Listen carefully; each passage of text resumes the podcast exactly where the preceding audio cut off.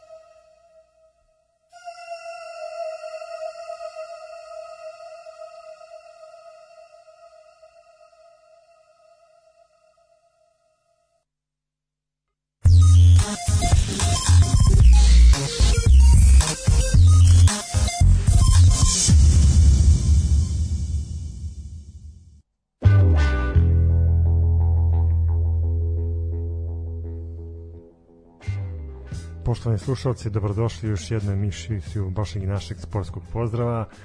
54. put se družimo, nije jubilaran, ali bit će možda jedan Svaki je jubilaran, svaki.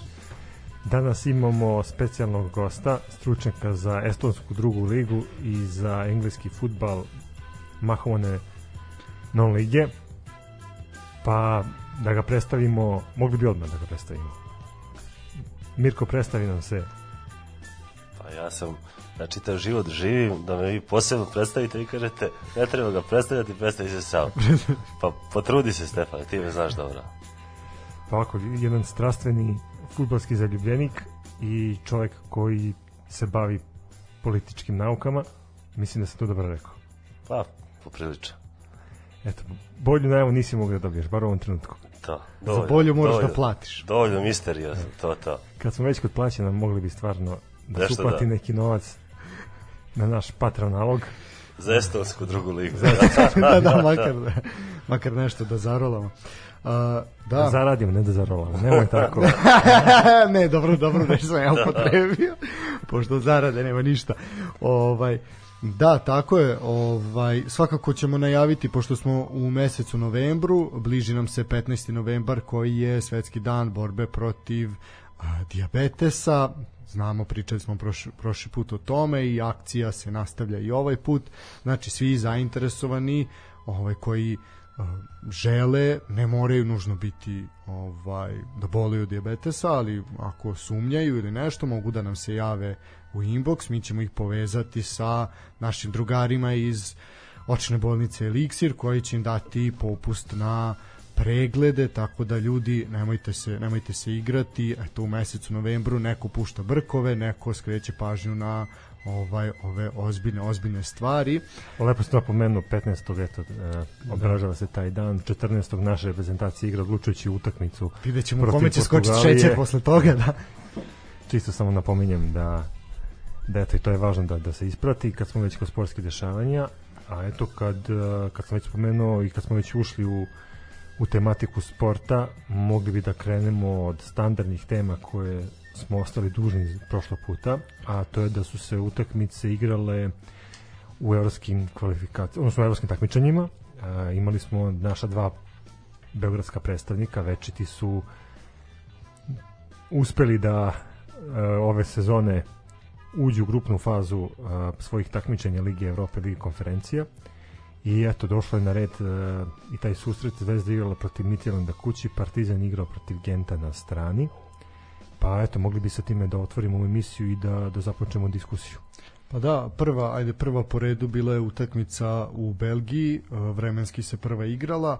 E, Šta reći, malo drugačiji Partizan u odnosu ono što smo gledali u Beogradu. E, Promenili su formaciju, bez trenera Stanovića na klupi, Gordulja je po meni odradio sasvim korektan posao. E, Malo je nedostajalo da iz tog bunkera koji je Partizan postavi izađe kao pobednik na kraju se desilo nešto što je poprilično neverovatno da je bilo ko od navijača Partizana nakon one prve utakmice sa Gentom u Beogradu uh, da je bilo kome rečeno e biće 1-1 svi bi živi potpisali bez bez razmišljanja a sada ovaj kad je na ovaj način došlo do tog rezultata mislim da niko nije zadovoljan misliš da bi svi živi potpisali taj Apsolutno, apsolutno. Posle onih batina koje je Partizan primio u Beogradu od Genta, apsolutno bi svi potpisali. Ali sad, nakon ovoga, kad, kad se odigrala utakmica i kad je sve to se završilo, kao, pa jebote, mogli smo i više.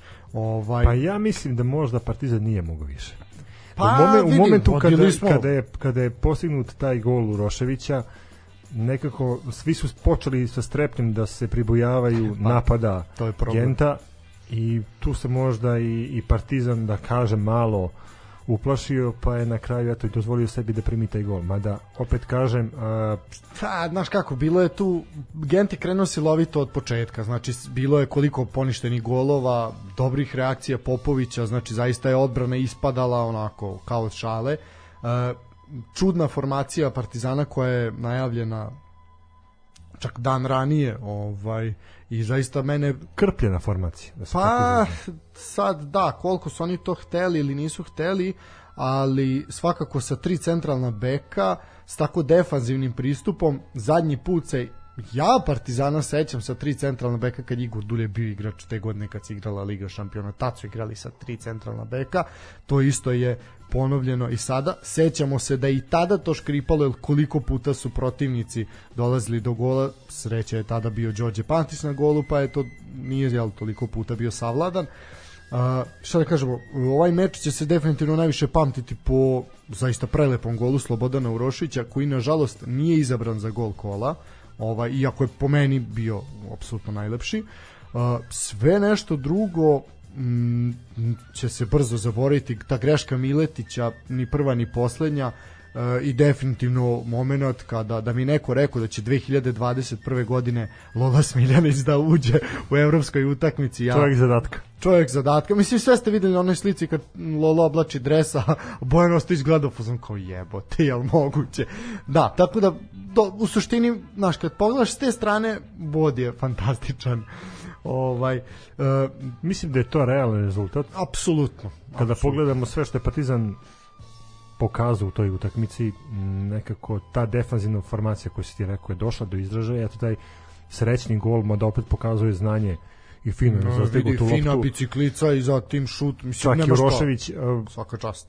posle toga, ne znam, odmah se vidimo dva napada, menja se formacija, Partizan staje defanzivu, to je bio kao ono cilj, ako postignemo gol super, pa ovaj da se branimo do, do, do kraja koliko izdržimo, izdržimo. Eto na kraju ti napadi Genta su rodili plodom, uspeli su da izjednače rezultat i to je to. Mislim, bilo bi nepošteno da Gent nije postigao nijedan gol, ljudi su bili zaista dominantni tokom cele, cele utakmice, zaslužili su pogodak jednostavno, to sad što je on došao iz greške odbrane Partizana, to je sad druga stvar, ali jednostavno nema šta. E, definitivno je Partizan naučio da igra u gostima, ono što je falilo tokom godina, ali nije naučio da sačuva rezultat. E, I mislim i dalje stojim da Partizan je jedan od redkih timova koji ne zna da se brani i da prepušta inicijativu, jer jednostavno ne može da izdrži taj pritisak, nikad nisu ni mogli, da li je to filozofija neka koja se od 45. na vamo prožima klubom, ne znam, ali definitivno je tako. No, e, iz m, kišne Belgije u potopljenu Srbiju, ovaj Beograd je plivao u četvrtak i u sredu i u petak i u sve ostale dane. A, Dobro, meč- pljuštala je kiša, pljuštala još nešto više. pljuštali su i kartoni, da, uh, zaista posle ovaj jedan self dobro, posle samo desetak minuta su ovaj igrači Crvene zvezde ostali sa čovekom manje na terenu jedan nesmotreni potez Degeneka koji zaista je bio toliko ovaj daleko od tog igrača znači zaista zaista o, ama muke, muke s kamerom, neverovatno. Ovaj bio o, daleko od njega, bez veze ga povukao. Ono što je Stanković rekao, ja bi tog igrača pustio. Mislim da je to treba da uradi. Borjan je bio u naletu, pi, naš, skraćen bi bio ugao, pitanje je da li bi bio gol.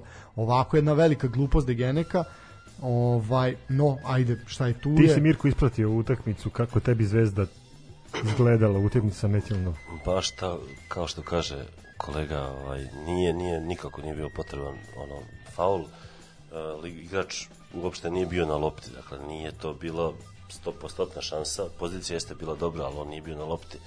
Mislim da je pitanje da li bi uopšte šutirao u okvir gola. Pa pitanje, pitanje. Da, veliko pitanje. Nije, nije to bilo izgledno. Nije on imao loptu na, na nozi, ali ovaj, eto, bože moj, mislim da to, pa to je presudilo odmah, nema Jel misliš da je Zvezda propustila veliku šansu da možda već sad obezbedi proleće za narednu sezonu? Da, posebno posle rezultata u Portugalu. To je to je ono, to je to. Da.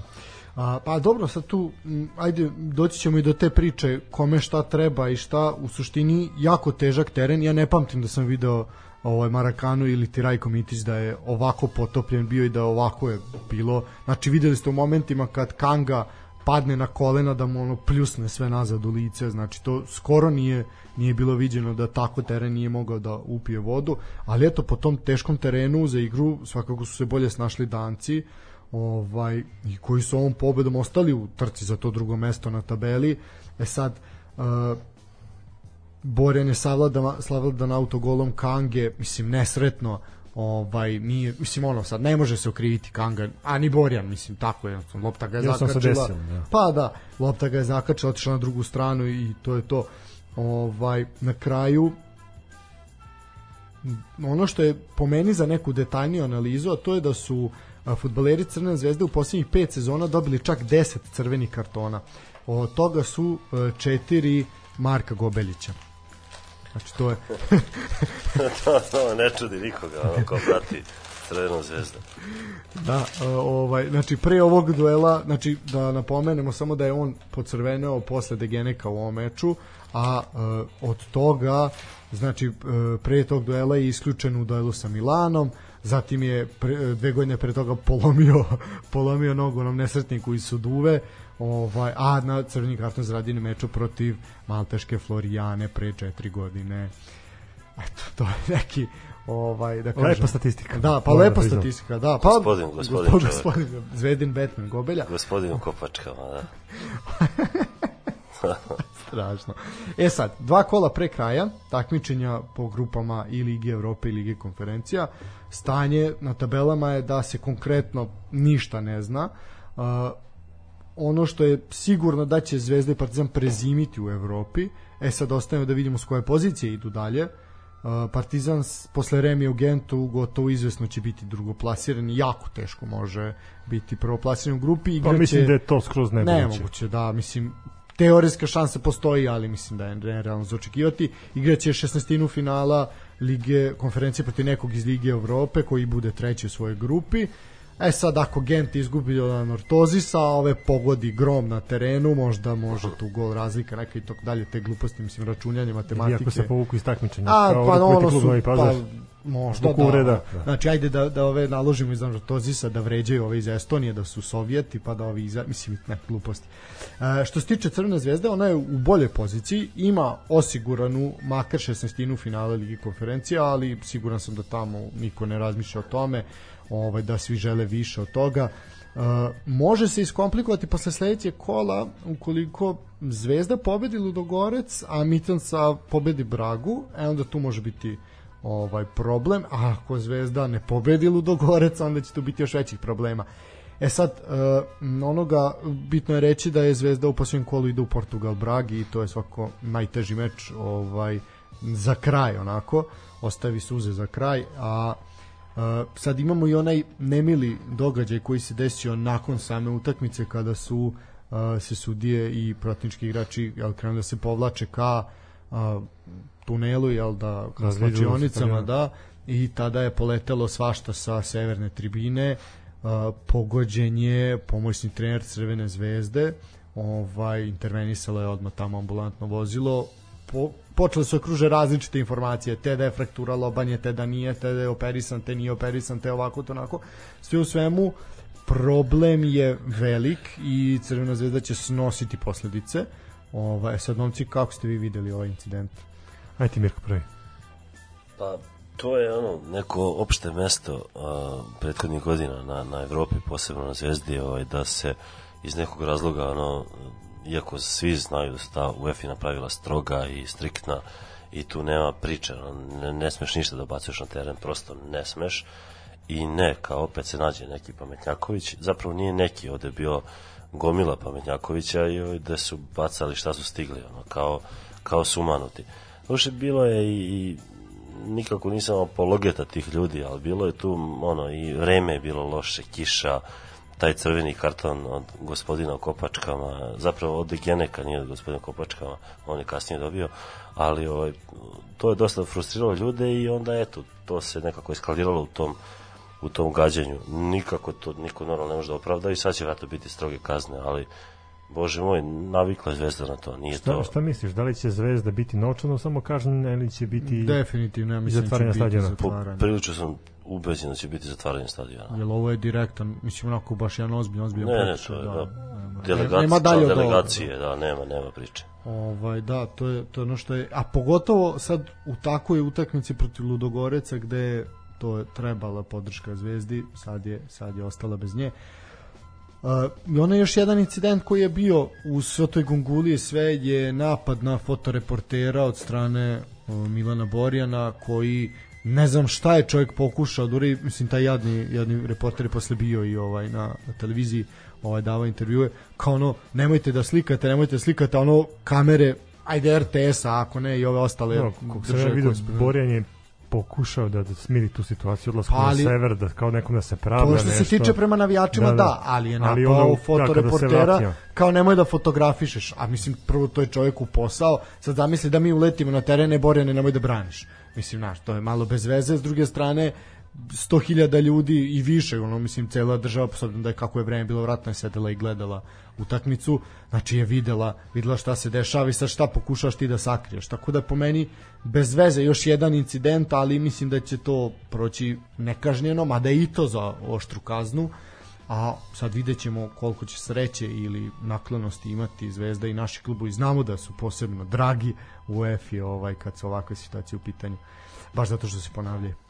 Trljaju ruke. A Funkcioneri UEFA. Gospoda Unionu, da, da, da. da, da. Nažalost, eto da, ovaj u suštini i dobro je da su šanse jednim i drugima tu, postoje, realno je da ostanu u Evropi, da prezime tamo, da dočekaju to famozno proleće, jer zaista ove sezone nikad lakše u istoriji od 55. kad se igra evropska takmičenja da ostanete u Evropi. Nikad lakše nije bilo nego ove godine. A ako uspemo to da prospemo, mislim jedni i drugi, onda zaista nemamo čemu više da pričamo. Imamo, imamo mi talenta. Za, A i, to. apsolutno. Ovaj, e, dobro, to je što se tiče neke, neke Evrope, možemo se prebacivati na domaće livade koje su bile podjednako potopljene kao i ove evropske. Ovaj, e, prošlim... Ali svakako jednako zanimljive. Apsolutno, da. Uh, ono što smo dužni da kažemo da je prethodnim kolom završen jesenji ciklus šampionata, znači ovo kolo koje je sad odigrano je prvo kolo druge runde, jel, ovaj šampionata iako se igra u ovom jesenjem sa, sa zimskom delu. Uh, ono što je bitno napomenuti da su jesenji prvaci u prvoj ligi, u Superligi Indija, odnosno Partizan. Kratko ćemo samo sumirati Indiju. Uh, do tog znači kraja jesenjeg dela 15 utakmica ljudi imaju 11 pobeda i 3 nerešena rezultata Mislim da imaju koliko 39 bodova. Tri, da, 30 dati golova, 11 primljenih, zaista uh, fascinantan ovaj fascinantna statistika i učinak uh, zeleno-belih iz Indije. Što se tiče, oni imaju najefikasniji napad lige, a drugu najbolju odbranu lige sa samo 11 primljenih gola, golova. E sad što se tiče uh, Super lige našeg elitnog ranga takmičenja, kako to zvuči Mirko kad kažemo elitni rang takmičenja? Pa, baš tako kako, kako si rekao, onako pretenciozno i, i ono, u principu Bombastično. bombastično. Da, puno sarkazma i ironije.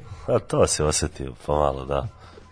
Ove, što se tiče uh, Partizana, znači 15 odigranih utakmica, 14 pobeda, jedan remi bez poreza, 44 data gola, 5 samo primljenih, toga svrstava u najbolji napad u ligi, ali i najbolju odbranu. E sad, uh, najbolji strelac je Ricardo, on je ujedno i najbolji strelac lige i ima čak, ako se ne verujem, 8 golova više od onog na drugom mestu, tako da svaka čast Ricardu, ali ja već ga neko vreme nema, no o tome ćemo pričati kad dođemo do, do tog dela. Uh, u četvrtak je odigrana pored ove dve evropske utakmice, da kažemo neka uvertira, uh, duel dva radnička, to je uh, meč koji je bio zaostao iz onog kola kada su momci iz Kragujevca bili ovaj zaraženi, bili bolesni. Uh, u suštini meč je u ranoj fa, u samo ranoj fazi meča su postignuta po dva gola Blagojević je bio strelac za goste Mitrović za domaćine i sve je tako kako je postigli su te golove u suštini sve to Igra ovaj, je stala.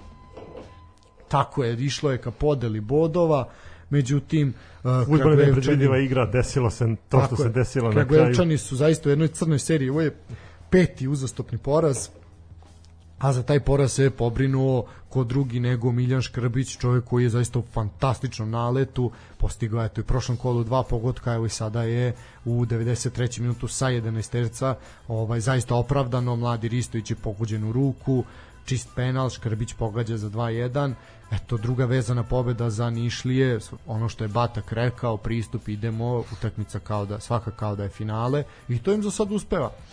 Tako da, eto, mogu, mogu reći zaista nije to bila nešto zanimljiva, zanimljiva utakmica za gledanje, eto, osim to, to od, kako je krenulo, mislio sam da će biti 4-4 na kraju, međutim, ovaj je to splasnulo, eto, do tog 93. minuta. Pa dinamično su krenuli, ali kao što sam već napomenuo, stali su u jednom momentu, ništa se nije dešavalo, bukvalno se lopta selila sa jednog na drugi kraj igrališta, ali eto na kraju futbal je pokazao još jednom da je nepredvidiva igra i radnički uspeo da uz malo sreće dođe do nova tri boda.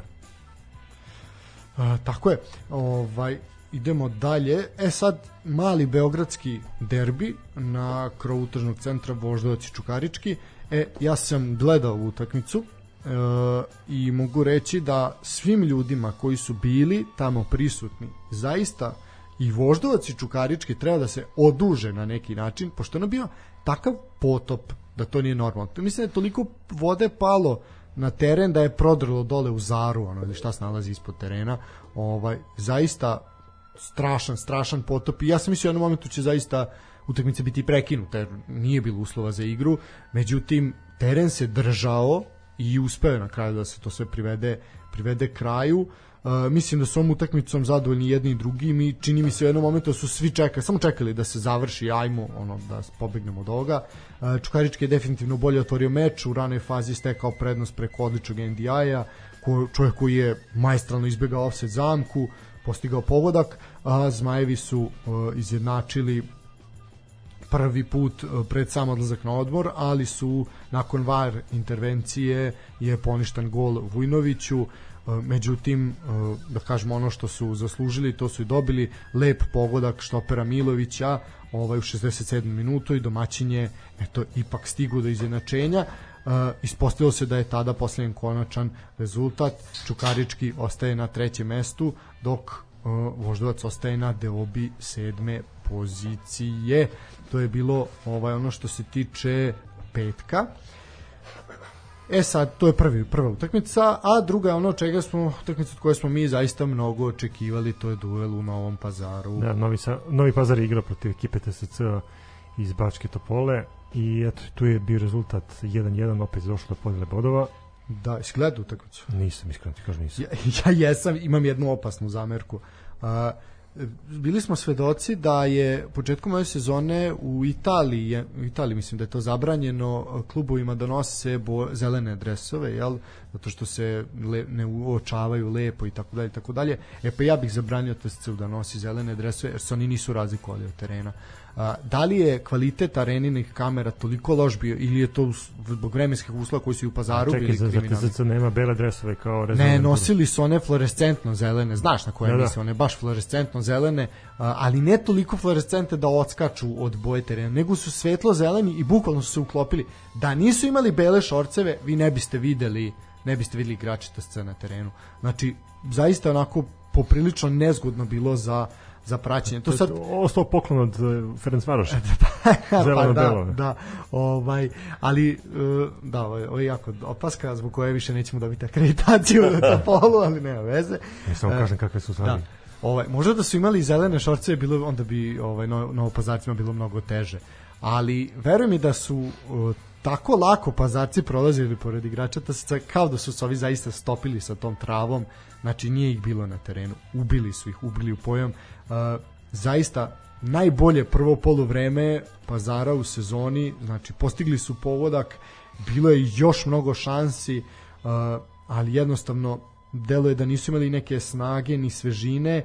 TSC je preuzeo ovaj vodeću ulogu u drugom poluvremenu, diktirao tempo, pritiskao, stvarao šanse, uh, postigu izjednačujući pogodak preko Vukića kog nismo mnogo videli ovaj prošle sezone i u toku zaista i ove sezone eto došao je kao pojačanje iz Zlatibora uh, deluje da je TSC ipak u ovom trenutku jača i uh, kompletnija ekipa, a pa pred pazacima je težak put uh, ka opstanku. Uh, treći put zaredom su remizirali 1-1. Uh, nisu izgubili utakmicu, ali to im je zaista slaba uteha u ovom momentu. Uh, što se tiče TSC, šta reći, jedna pobeda u posljednjih 8 kola, posljednji put su osvojili ceo plen 25. septembra, definitivno nešto ima organizaciji sportskom sektoru kluba. Nisu se navikli na stadion. Uh, mislim da je samo pitanje trenera da mora se to rešenje ne, ili naći neko rešenje ili recite Mirku Jovanoviću e šefe ti si zvanično znači ovde bukvalno deluje tako kao e čekamo da se neko Pa pojavi igraju pod pritiskom. svakako ali onda se mora nešto rešavati Slažem se, mora se nešto rešavati kad je u pitanju stručni štab TSC. A mi sa te utakmice idemo na narednu, to je utakmica između Kolubara i Napretka. Da, tu je poplava kulminirala. Ovaj, na ovde je svuda bio potop, ali ono što je viđeno u Lazarevcu, ja zaista ne postoji reč kojom bi se moglo opisati na šta je to ličilo. Ono, bukvalno, uh, Noev potop, ono, drugi dan.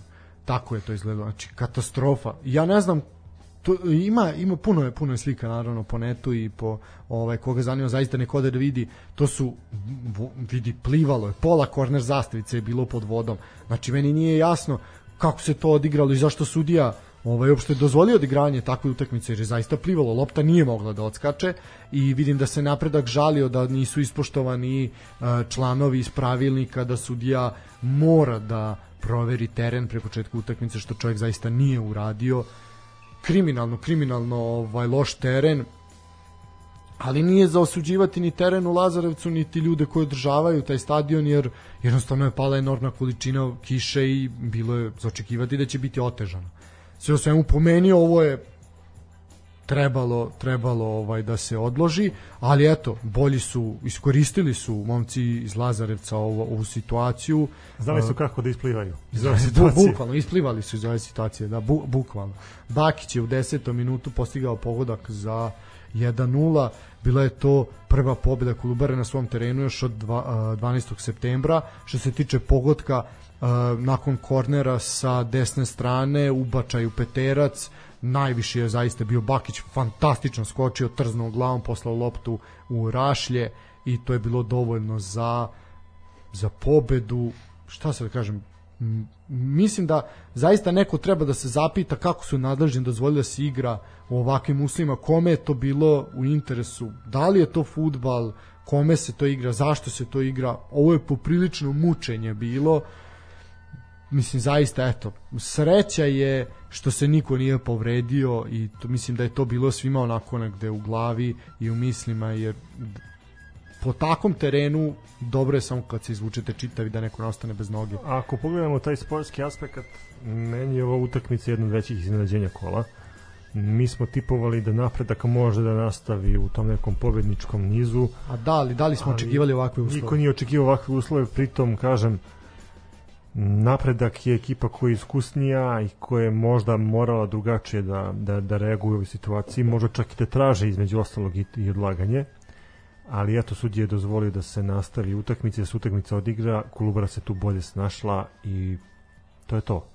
Uspeli su da osvoje tri boda, veoma bitna boda za dalji opstanak, pa sad vidjet ćemo šta će biti u narednim kolima, ali eto kažem opet poprilično veliko iznenađenje, bar kad pogledamo njihov e, rang na tabeli. Definitivno niko nije očekivao ovako loš napredak, ali deluje da zapravo nisu oni bili ni toliko loši, ali nekako su bili impotentni. Deluje da i njima bilo u glavi daj samo da se ovo završi, da idemo kući, ovaj, a vi kažem sad se, sad se žale da nisu ispuštovani ti članovi iz pravilnika, e sad da mi sad ne znamo šta se dešavalo u tunelu i u sudijskim slačionicama, da li je tu neko tražio, nije niko tražio, da li su se oni kasno setili toga, nije ni bitno, gotovo, babo je ručo, idemo dalje, izgubili ste i šta sad. Uh, što se tiče narednog, narednog meča, to je derbi donjeg dela tabele, metalac i radnik, između ostalog I ovo- tu si se zalomila podela bodova. Da, da, i ovo isto nešto što nismo očekivali, prognozirali smo pobedu Metalca i više golova. Šta da kažem, u drugom delu meča, u drugom poluvremenu svakako je meč bio na zavidnom nivou što se tiče tempa. Prvi deo meča je onako protekao u mirnoj igri bez puno šansi. Gosti su iskoristili onu jednu kada je zaista maestralni Dušan Hodžić postigao lep gol čovjeka, to je nagrađen sjajnim partijama u ovom delu sezone, pravo pojačanje na toj desnoj strani za radnik. U drugom poluvremenu kao što smo rekli visok ritam, naglašena terenska inicijativa domaćina, Metalac je onako kružio kao kiša oko Kragujevca pred golom Ranđelovića, odbrana radnika je delovala kompaktno i uigrano kao uglavnom i pr- protiv Crvene zvezde ovaj, u prethodnom periodu. Uh, u 72. minutu posle provere VAR sistema poništen je gol Marku Šariću, ipak 7 minuta kasnije rezervista Metalca uspeo da izjednači, do kraja se pretežno igralo na polovini gostiju, ali su bolje šanse upravo imali oni i to posle kontranapada prvo preko Subotića kada je Savić sjajno odbranio onda i kolosalnu šansu imao Spasić promašio ono zaista što se redko promašuje sve u svemu. Verovatno najpravedniji ishod ovog meča posle kojeg definitivno domaćini su manje zadovoljni ponovo nervozni Žarko Lazetić ima i za čin da žali ima zbog čega da se Metalac ima problem sa golmanom, da. Opet je golman nesiguran, to ih košta prošlom već, kolu da, ih je ozbiljno i koštalo du, duži da. period. Da. M, zaista, eto, ostaju na pretposlednjem mestu, definitivno po igri i po prikazanom njima tamo nije mesto, ali to ih niko neće pitati na kraju sezone. A, nešto mora da se, da se menja u klubu, u posljednjih pet kola metacija osvojio samo jedan bod, što se radnika tiče, on je u posljednjih 10 mečeva pobedio samo jednom i to verovali ili ne crvenu zvezdu uh, eto, Mirko imaš nešto da dodaš ovaj, ili ćemo ići na kratku pauzu da malo osvežimo grla Kako ti vidiš ove utakmice koje smo već iskomentarisali? Pa ništa tu ne bih dodao, to je ovaj prosto naša liga, ovaj nema tu mnogo zanimljivosti osim kad igraju on, Zvezda, Partizan, Vojvodina eventualno i to je to.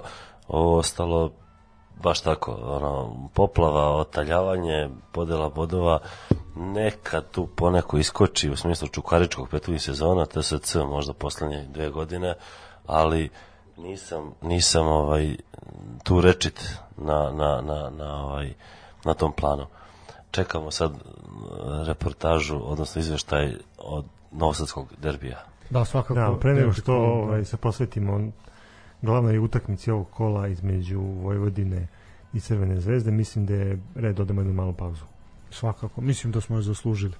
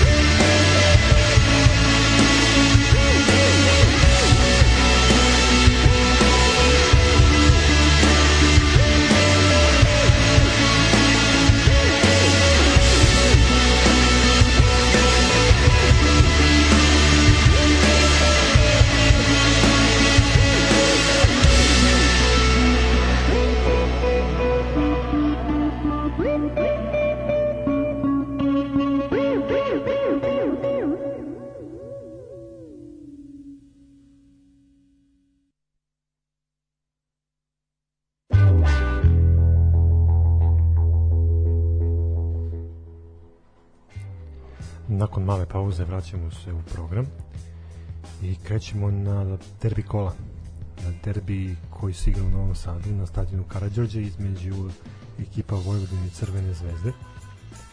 Mislim da je ova utakmica definitivno opravdala naša očekivanja i taj epitet derbija Vojvodina je dobro otvorila utakmicu, poveli su rezultatom 1-0 i tako se otišlo na, na odmor.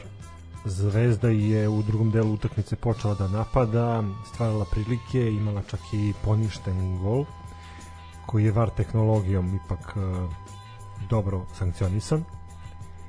I na kraju su morali mnogo više da, da napadnu i mnogo više da pokažu da bi došli do do celog plena, to su i uspeli, postigli su dodatna dva gola i slavili u Novom Sadu. Mirko, ti si bio na utakmici, pa me zanima tvoje impresije, kako tebi sve to izgledalo i taj tvoj neki utisak uh, sa Karadžađa. E, bio sam istina, međutim nisam baš naj, kako da rekao, najpozvaniji izvor za komentarisanje jer sam gledao utakmicu iza gola, pa onda niti sam mnogo dobro da vidim, niti sam iskreno da budem mnogo obraćao pažnju na teren, Kako ali je bila ovaj, atmosfera na utakmici? Sasvim korektna, sasvim korektna, ono u poslednjih, u odnosu na poslednjih nekoliko mečeva u Novom Sadu, možda i najbolja. E, bila je, ono, koliko sam mogao da uhvatim ovaj, situaciju na terenu, bila je Vojvodina bolja znatno u prvom polovremenu, međutim drugom je potpuno stala i onda je ono, Crvena zvezda uzela uzde u ruke i, i otvorila meč, to jest otvorila drugo polovreme na pravi način i završila meč sa tri postignuta pogotka koja su dva priznata i to je to. E, svakako dosta dobar utisak i, i dosta dobar meč za Superligu Srbije. Da li je opravdano ovo poništen pogodak? Ne mogu reći, ne mogu reći. Nisam gledao pregled, tako da ovaj, nisam imao ono uvidu tipa da bi rekao da li sad milimetar offside ili nije, možda bi bio veći slagovi kad bi rekao. Mislim, ja sam slušao ovaj, utakmicu preko radio aparata. Ovaj, Ko je, sećam ko je prenosio? E, pa Radio Novi Sad prenosi našu ligu ovaj mislim da su oni poslednji borci ovaj uz nas koji to rade na ovakav način u radio formatu E, čak i Radio Beograd odustao potpuno od Možda toga su ružni ljudi. A, Mi smo bar lepi. pa, da, imamo isto tu radijsku lepotu ovaj, e, u Ja suštini pričam u svoje ime. Da, ovaj, Ima svoje redakcije. Boris Zelenbaba je prenosio i on je naravno ovaj preneo tu situaciju, ali je li jedno je preko radio aparata, drugo je što se zapravo dešavalo, da li je zaista bio offside ili ne, kažem ne znam. A, ono što je iz njegovog komentara kako je delovalo i kako se ta slika stvarala u glavi, a to je da smo zaista videli dva različita poluvremena, da je Vojvodina delovala organizovano u prvom delu, da je to imala još nekoliko opasnih kontri ovaj, i pored tog postignutog pogotka, ali da je to dalje falilo koncentracije, šta je u pitanju ne znam. Uh, onako jedna indolentna igra Crvene zvezde u prvom poluvremenu, ali m, u drugom su se konsolidovali, stisnuli gas, uh, prvo preko Pavkova u 56. a zatim preko Dragovića, ovaj preokrenuli potpuno rezultat, osvojili ceo plen i eto, na poluvremenu je delo će Crvena zvezda ponovo kiksnuti protiv Vojvodine u ovoj sezoni, međutim na kraju ne samo da je pobedila, nego je i otopila bodovnu prednost u odnosu na, na Partizan. Ovaj te, ova utakmica se igrala u terminu od 15 do 5, a u uh, terminu nešto kasnijem od 20 i 15 je odigrana upravo utakmica u Beogradu gde je drugi novosadski superligaš igrao protiv drugog večitog rivala Viš kako se to zalomilo, baš. Da, da, neverovatno, neverovatno. Eto, Proletar igrao protiv Partizana na stadionu Jugoslovenske narodne armije, Vojvodina je čekala crvenu zvezdu na Karadžurđu. I da, sa, upravo kad si rekao to Karadžođu, a, neverovatno je da su da je reporter Radio Novog Sada nije rekao Karadžođe, nego je stalno govorio gradski stadion. Ovaj, ne znam zašto, ovaj, ali to sam baš primetio i par puta onako zaparalo uši kad je rekao ovo, da se selimo na gradski stadion u Novom Sadu, kad, ok, jeste gradski, Pa svi su gradski stadioni. pa svi su gradski i ova je nosio naziv gradski, ali trenutno se nosi naziv Karadžođe i ne znam u čemu je, čemu je bio problem, da li su samo eto hteli da budu ono, malo hipsteri pa da koriste drugačije Ili politički korektni. Da. Pa ne vidim ja ništa politički Pa naravno, ali nekorektno, kao mislim, zašto, to je zvaničan naziv, pa je tako, pa je tako. No, ajmo drugog uh, drugog ovaj Ja bih htio samo još malo da, Da. da, da, ostanemo na, na ovom susretu. Mene zanima izjava Dejana Stankovića. E, odlično, to si dobro, to si dobro spomenuo. Uh, na konferenciji za medije nakon uh, samog meča je postavljen na pitanje novinara sa Radio Delta iz Novog Sada to živje, živje Radio Delta nije umro ovaj, da je Ja, danas ja, sam ve- mislio, ja sam mislio da im puštaju samo estradni blok. E, i ja isto. Zapravo, ono, od kad je, nažalost, im gazda preminuo, koji je zaista bio jedan jako dobar čovjek i ozbiljno držao to radi, bio jedan ozbiljnijih u gradu, ovaj, zaista su onako potonuli i moram priznati da sam bio iznenađen. Ovaj, mada su svi mediji odmah preneli da je u pitanju novinar sa radija, ali ja sam mislio da je u pitanju Radio Beograd ili Radio Novi Sad u krajnjoj liniji, ali onda me to pitanje koje je postavljeno pa ne bi ovo novinar RTS-a niti, niti Radio Novog Sada tačnije RTV-a ne bi nikad tako neko pitanje postavio previše to direktno. Ovaj, pitanje je glasilo da je danas Zvezda izgubila prvenstvo bilo završeno da li je danas Vojvodina morala da izgubi? Stanković prvo nije razumeo to pitanje a potom kad ga je novinar ponovio opet je rekao da ne, ne razume tada se u priču umešao pod parol Crven zvezde Miljan Milošić rekaoši da je pitanje tendenciozno novinar mu odgovorio da nije pitao njega već Stankovića i tada je e, trener Crvene zvezde jednostavno ustao pozdravio sve prisutne i otišao E pa, vaš Znači, komentar. ostaje nedorečen. Pa da, eto, za sad, ovo je, uglavnom do sad smo ovakve reakcije viđali kod Lalatovića i tako sve moram priznati da malo Stanković iznenadio. Dobro, kao, Latović je se bar očekivao odgovor. I on ti je pružao taj odgovor. Da, kako god on bio, ali definitivno si ga imao. A ovo, pa ne znam. Mene je malo iznadila ta reakcija Stankovića koji je znaš, on sam odjednom kufazom, neću više da se igram. Moja lopta Da, je bukvalno nosim kući. mi otišao kući, to je to, bukvalno je to to. E, da, mislim, s obzirom da je čovjek takav profesionalac bio, u, mislim, u, tokom svoje karijere i sve, nekako, i uvek pristupa to neka, kako bih to nazvao, onako malo šmekerski, naš kao ima neka baraba pristup, ovaj, pa ja sam očekivao i takav odgovor, ali ne da će se ono sad naduriti, ustati i otići. Ne znam, da li je još uvek bio pod utiskom loše igre njegovih momaka i taj poraz od Mitjanda i to sve što se dešava nakon te utakmice u četvrtak može biti da je jednostavno ono to bila kap koja je prelila čašu ali definitivno ovo ne priliči ovako ponašanje i da je naša zajednica superligaša i ole ozbiljnija i disciplinska komisija ovo bi bilo sankcionisano Pritom kad pogledamo, to je stvarno ozbiljno pitanje koje doseže i regularnost takmičenja. Apsolutno. Ako ste vi dozvolili jednom novinaru da se tako obrati i da samim tim postavi tako pitanje, uh, postavi se onda stvarno pitanje kao da, da li je to istina, jer možda novinar zna nešto što, što šira javnost ne zna. A opet me iznenađuje i, ta njegova izjava koja, možda ne izjava, nego taj njegov beg, gde znaš, mogu da kaže, znate kako, ja sam sportski radnik, mene zanima šta je na terenu, kao, to je moj deo, ja u svakoj utakmici pristupam krajnje ozbiljno, nikad nisam vodio nameštenu utakmicu. Evo ti, ja sam ti dao odgovor kako može da, da ide ta izjava. Pa Niko da, makar nismo- zaštiti sebe pa- i on svoj, u, da. Zaštiti sebe, zaštiti svoj klub i, i završi sa tim. Ali eto, ovaj, on je ustao, otišao, pritom i to kad je procurilo u javnost, kad se digla ta prašina, prašina je vrlo brzo spuštena. I znaš kao, pojevuk makarca.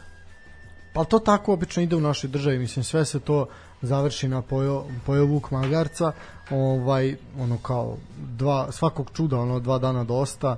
E, juče smo se čudili svemu tome zgražavali, danas već o tome niko ne priča jer se dešavaju nove nove stvari, ali Sreće pa je Đoković u svoj turnir. Da, ono pa i javnost mirnija, da. Ovaj sve u svemu uh, da, uh, ne znam šta bih rekao, mislim uh, možemo napraviti kratku paralelu pa ćemo se vratiti uh, pitanje Aleksandra Stanojević, Stojanovića, pardon, Da, na konferenciji ovaj, za na štampu, konferenciji za štampu selektora da Stojkovića, gde je čovjeka pitao kao eventualni plasman, kakav bre eventualni plasman, kako možete, mislim, i dobra reakcija Pixija je na mestu.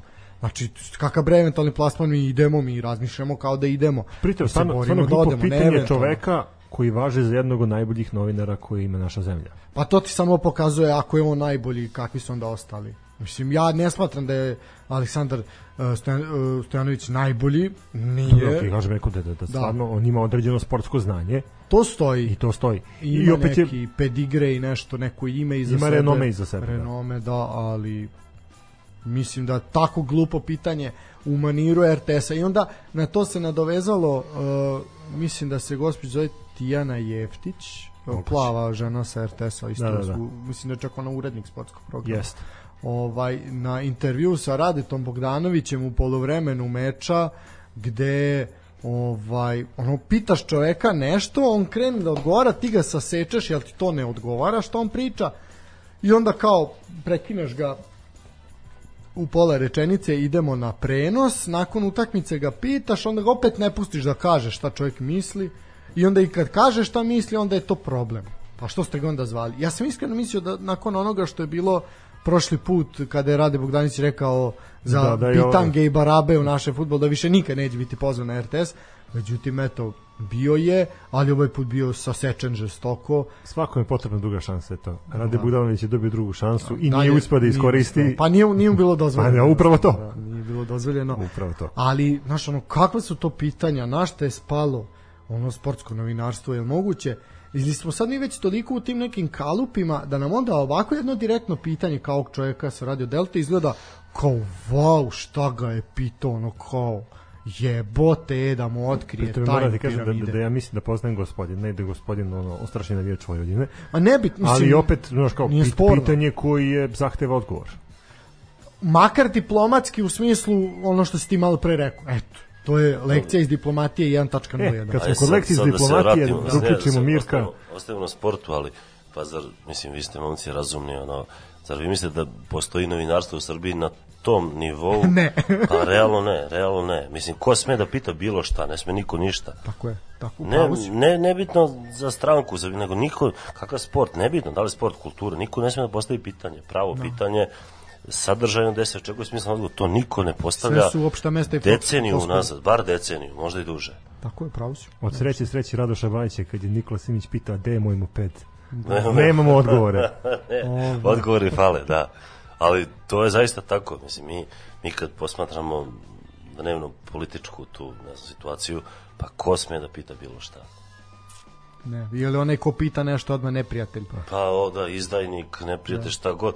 I da postave prava pitanja, onda izdajnik, mislim prava, ajde, po mojoj nekoj Pa ne znam, mom svetonazoru šteta prava. što Žaklina Tatalović ne prati futbol. Da, da, Šta ili, kažeš, šteta? Kažem, šteta što Žaklina Tatalović ne prati To, to, to, to, to. pa ili Miki Sovilj ili već neko ovaj ali u pravu si definitivno znači a, nije čak ni, ni pravo mislim sad izraz pravo pitanje Mislim, ali pitanje s- koje ima smisleno tako je Da zanima javnost, eto Tako, tako. da ali mi smo došli na to da su nam novinarska pitanja kakav ti je osjećaj posle pobede Ma da, da, Mislim, da. one da. gluposti neke, I ovi pričaju, teren bio ovakav, utakmica bila teška, tri boda smo odneli, mislim, floskula do floskule, to priča, ajde, držimo se sporta, ali tako je, floskule su i u politici. vidi uh, sport je slika stanja Da. u društvu to je tako su uvek svuda, bilo ono, nije to, nije to ništa, ništa drugačije nego u drugim sferama društva. I ne, mislim, suština je da nemamo novinarstva, uopšte nemamo pravog novinarstva u smislu da neko izađe na, na ozbiljnom, ne znam, mediju da pita ozbiljnog čoveka za, eto, nekako mišljenje javnosti ili nešto što zanima javnost, niko to, to ne postavlja takva pitanja. Prosto to je tako. Tako da ne čudi mene za Dekije Stankovića ni najmanje.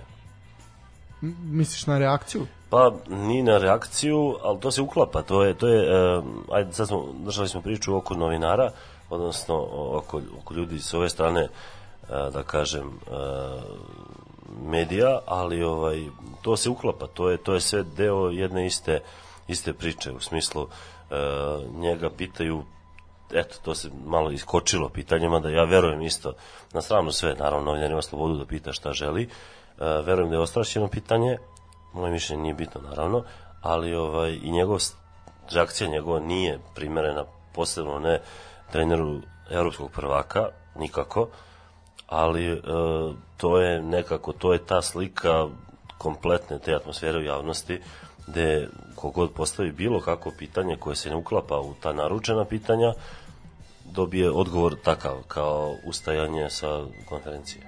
da i onda se pravimo da se ništa nije I desilo naravno, da. sve po tepih i to je to, da, da, da, baš to, baš to.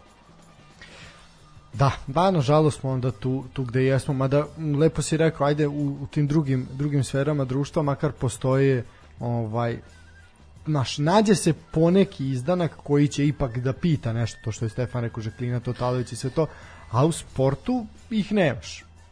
Čak niti na tim nekim podznacima navoda opozicioni medijima, u smislu opozicioni da koji ipak pitaju nešto, ti opet nemaš nekog ko se bavi ovaj sportom. Baš smo to komentarisali. Imate Arene gospodina- sporta. Imamo gospodina Pantića, koji, koji Da. vrlo, vrlo predano Ovo radi svoj ovo je posao. A, bila, da, ali imamo na tu njega i ovog gospodina Tegeltiju. Ne možete Ali- reći da nisi u pravu. Šalim se, naravno. Da, naravno I ovo vrlo je- sam sarka- vrlo, vrlo, sarkastičan. vrlo. Ovo moraš da podigneš tablu da ono piše sarkazam. na To, to, ovaj. to, kao. da, a, da, pa tako je. Mislim, na, e, problem je što, i o tome smo svakako i razgovarali, imate novinare sa, da kažemo, dve najveće, e, dva najveća sportska medija u državi. To su Arena Sport i Sport Klub kao neki konglomerati. Znači, sa Arene Sporta to je smešno. Znači, to, to nema ozbiljnog novinara. Uh, I sad je veliki problem, sad imaju 11 programa, nema ni komentatora, da se mi ne lažemo. Jako problem se krpi, ko će šta da prenosi, jako to strašno i onako poprilično je tanko. Uh, intervjui pre, ono, emisija kao nekada, na primer, gde najviše ima intervjua, uh, pritanja pre pre same utakmice i tako dalje, to, to je jezivo, ti studiji, to, to je katastrofa, to je zaista onako jedan čist amaterizam. A onda s druge strane imate sport klub koji ima pod znacima navoda učenije novinare ovaj od arene, ali su i oni valjda sa tim saznanjem, bar meni tako deluje, to je sad meni kao nekoga ko gleda televiziju, znači ja nisam ni novinar, niti sam neki kritičar, ali kao meni neko ko prati te emisije, ko prati sport, kad gleda to meni deluje da su oni svesni toga da su bolji, pametniji, I onda su pretenciozni, onda su naš, onda se prepametni, previše pametni ako nisu toliko jesu. Primer Vlade Novakovića i tako dalje i tako dalje, naš kao. Ok, tu je možda Višković naj onako upteti Erceg, Živković i tako dalje. Ima tu ljudi koji znaju i koji su svesni koje su njihove granice i oni igraju u tim granicama. Ali ima i oni koji ono da to što sad znam ovo znam sve, a nije tako. kad je, kad je nogomet u pitanju, tu su meni ono koji eto svesno i, i ono svojevoljno pratim nogomet od 94. od, e, od, od e, završnice serije A i završnice kupa šampiona, odnosno lige šampiona tada, pa onda se nastavilo na svetsko prvenstvo u Americi. E, dakle, najprijemčiviji, naj, najsmisleniji ljudi koji su imali priču i njihova priča imali glavu i rep su novinari SOS kanala e, Topalović i Petrović. Meni lično, ja na novim prostorima nisam sreo ništa slično. E, jasno je da se ugledaju i na, i na italijanske medije i mm, pritom ne mislim ništa loše na to. To je italijanski mediji u, u, u futbolskom smislu su verovatno lideri na, na, na svetskom nivou. E, tako da ovaj e, međutim otišli su skajnuti su nema ih nema ih dovoljno Pa je Koliko otišao da to- radi to- za to Alo, je za Franko- a Popović, e, Petrović Neša je ovaj, u Futbolskom I- savezu zadužen. Da, ima, da, ima Futbolski savez, ima svoju no, YouTube kanal. Topalović nisam siguran da je nalo, znam da je radio za vijesti iz Frankfurta. To su vesti zapravo. Bio je sa nama ovaj, Na otvaranju. Da, eto, radi za nisam, da. Ovaj, ali u slučaju njih dvojica su, eto, imali su prostor nekakav, mislim, Topalović kad priča o futbolu, pa to je, to je ono, ko voli futbol, to je milina slušati, čovjek zna sve živo, ono, ali na onom pravom nivou, ono što zanima ljubitelja sporta, nema tu ni politike, nema tu ni, ni, ni e, nekih insinuacija na bilo šta, nego čovjek priča o futbolu i to je to. I sjajno to radi. Međutim, takvih ljudi, eto, iz nekog razloga su otišli na drugu stranu, nema ih više na, na, na, na, na malim ekranima. Nažalost je tako, da. Ali dobro, zato smo tu mi da pokušamo da, da A, se... Da se moj, da. naravno. Ni nas nema na malim ekranima. Ni nastaje na malim ekranima. Ali se guramo. Pa, laktamo On je u ovaj laktamo ekran koji staje u format Instagram live-a. Pa glavati smo previše da bi ušli format. Zato smo morali da isključimo jednog člana. da, da, da, da, zato sve to zašto se ne pojavljuje, zato što smo, i zato što previše jede u, u Instagram live-ovima, znaš, to je to. je Pa ne, problem. pa trudimo se da propagiramo kao neki zdrav način života, da hrana, ljude, da, da, da, da. dovodimo ljude koji su kompetentni za određene stvari. Zdravlje, pravoslavlje, to. E sad ovako, idemo na drugi duel Novosadskog superligaša protiv Večitog. Da, selimo se Magloviti. Beograd. Magloviti Beograd, ovaj, juče uveče Uh, šta krećio sam herojske igre proletera u, Novom, u, bože, u, u Beogradu. Ja im skidam kapu. Apsolutno zasluženo bod protiv velikog favorita, lidera na tabeli, jesenjeg prvaka. Logično, crno-beli su imali veći posed. U drugom poluvremenu su stvorili nekoliko odličnih šansi. A Nikola Petrić je odbranio eto čak i 11 terac. Uh, potpuno su zaustavili Ricarda.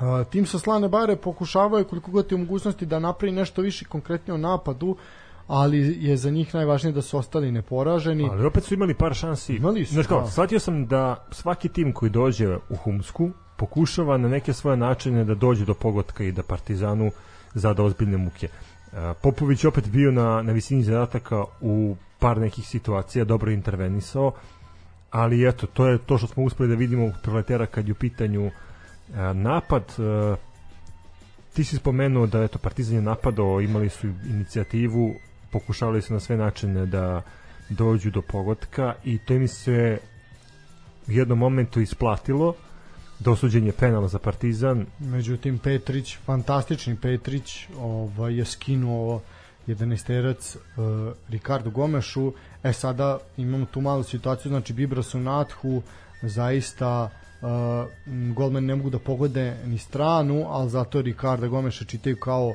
otvorenu knjigu.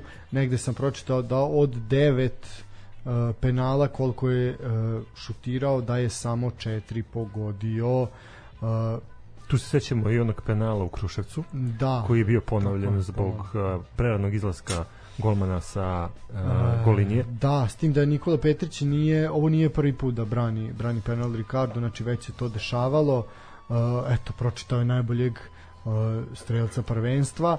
A što se tiče same statistike, bitno je napomenuti da je Partizan uputio 17 udaraca u ok, uh, 17 udaraca ka golu, od toga je 9 bilo u okvir, a Nikola Petrić je zaista paradirao i onako skinuo majacama svih devet računajući i 11 terac bez dileme Nikola Petrić heroj proletera i čovjek koji je obeležio 16. kolo pa po meni definitivno igrač utakmice i možda čak igrač kola. Definitivno ovaj mislim da će se svi složiti sa nama. Uh, eto, jedan maglovi derbi zaista su iz minuta iz min, u minut su se uslovi za, odig- za igranje utakmice pogoršavali. uh, međutim uh, na Arena Sport je čak u jednom momentu to, to, toliko bilo negledljivo da se zaista, zaista se ništa živo nije videlo ovaj, a naši drugari koji su bili tamo prisutni kažu da se sa bočnih strana stadiona jedva videlo do bliže stative. Znači, da ja sam ispratio bilo- taj uh, 11 terac Ricarda. Prvo ne mogu da vidim uopšte šta se desilo i na koji osnovu je sudija dosudio penal, a druga stvar pri izvođenju penala i njegovom šutu uopšte se nije videla odbrana Peteća. Tako da stvarno su bili teški uslovi za, za igru i opet svaka čast igračima obeju ekipa. Trebalo je to izdržati.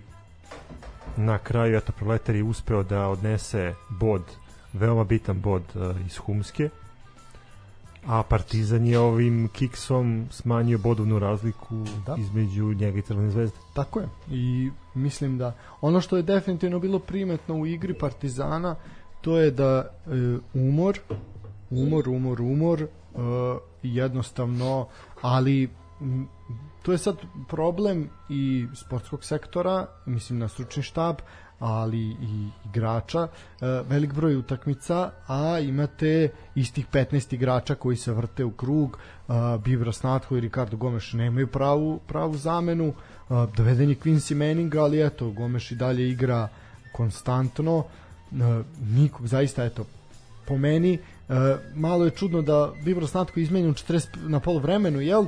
A penal se desi u kom 66. minutu, znači obično ga menjaju tek tada, ovaj, ali eto, dobro, mislim tako se, tako se namestilo, svaka čast proleteru, zaista, zaista svaka čast, nema šta, ljudi su odigrali borbeno, pokazali kako se uzima bod, ako ne i više ovaj rivalima večitim i to je to idemo dalje a da sad Partizan nek se malo odmori ovaj u ovoj predstojećoj reprezentativnoj pauzi onda ih čeka paklen tempo e sad kad smo završili priču o Crvenoj zvezdi i Partizanu sad možemo doći do tog do te priče šta kome šta kog čeka i šta kome treba Znači, uh, trenutno je na Paklen ta- ritam. Paklen ritam trenutno je na tabeli šest bodova razlike s tim da Crvena zvezda ima utakmicu manje. Crvena zvezda nije odigrala ni uh, meč kupa protiv Indije, to je isto jako bitno za napomenuti. Uh, I jedni i drugi imaju po dve evropske utakmice. E, Crvena zvezda je prvo domaćin Ludogorecu, Partizan će ići u Estoniju, zatim će Crvena zvezda igrati protiv Brage u Portugalu, a Partizan dočekati Anortozis uh, u Beogradu. E sad što se tiče uh, ovih uh, da kažemo obaveza u ligi, ja ne verujem da će Crvena zvezda uspeti da odigra tu zaostalu utakmicu kupa uh, u ovom sada, da kažem, jesenjem delu, mislim da je to nemoguće uglaviti. Uh, čak je veliko pitanje da li će se i sad tu, tu su mnogi nas pitali posledili su pitali da li je Crna zvezda prekiš, prekršila regularnost takmičenja zato što uh, nije odigrala tu zaostalu utakmicu U doglednom periodu. Tako je. I, e sad, ja iskreno ne znam da li je menjano nešto u pravilniku. Znam da je to bila praksa da se sve zaostale utakmice iz jesenjeg dela moraju odigrati pre početka drugog dela šampionata. E, da li je nešto menjano? Zaista ne znam i ne, neću da osuđem jer ne znam. E, sve u svemu, pitanje je veliko kada će stići to sve da se odigra. Kao što kažem, prilično sumnjam da će to biti do 15. decembra kada se kalendarski završava futbolska godina u Srbiji.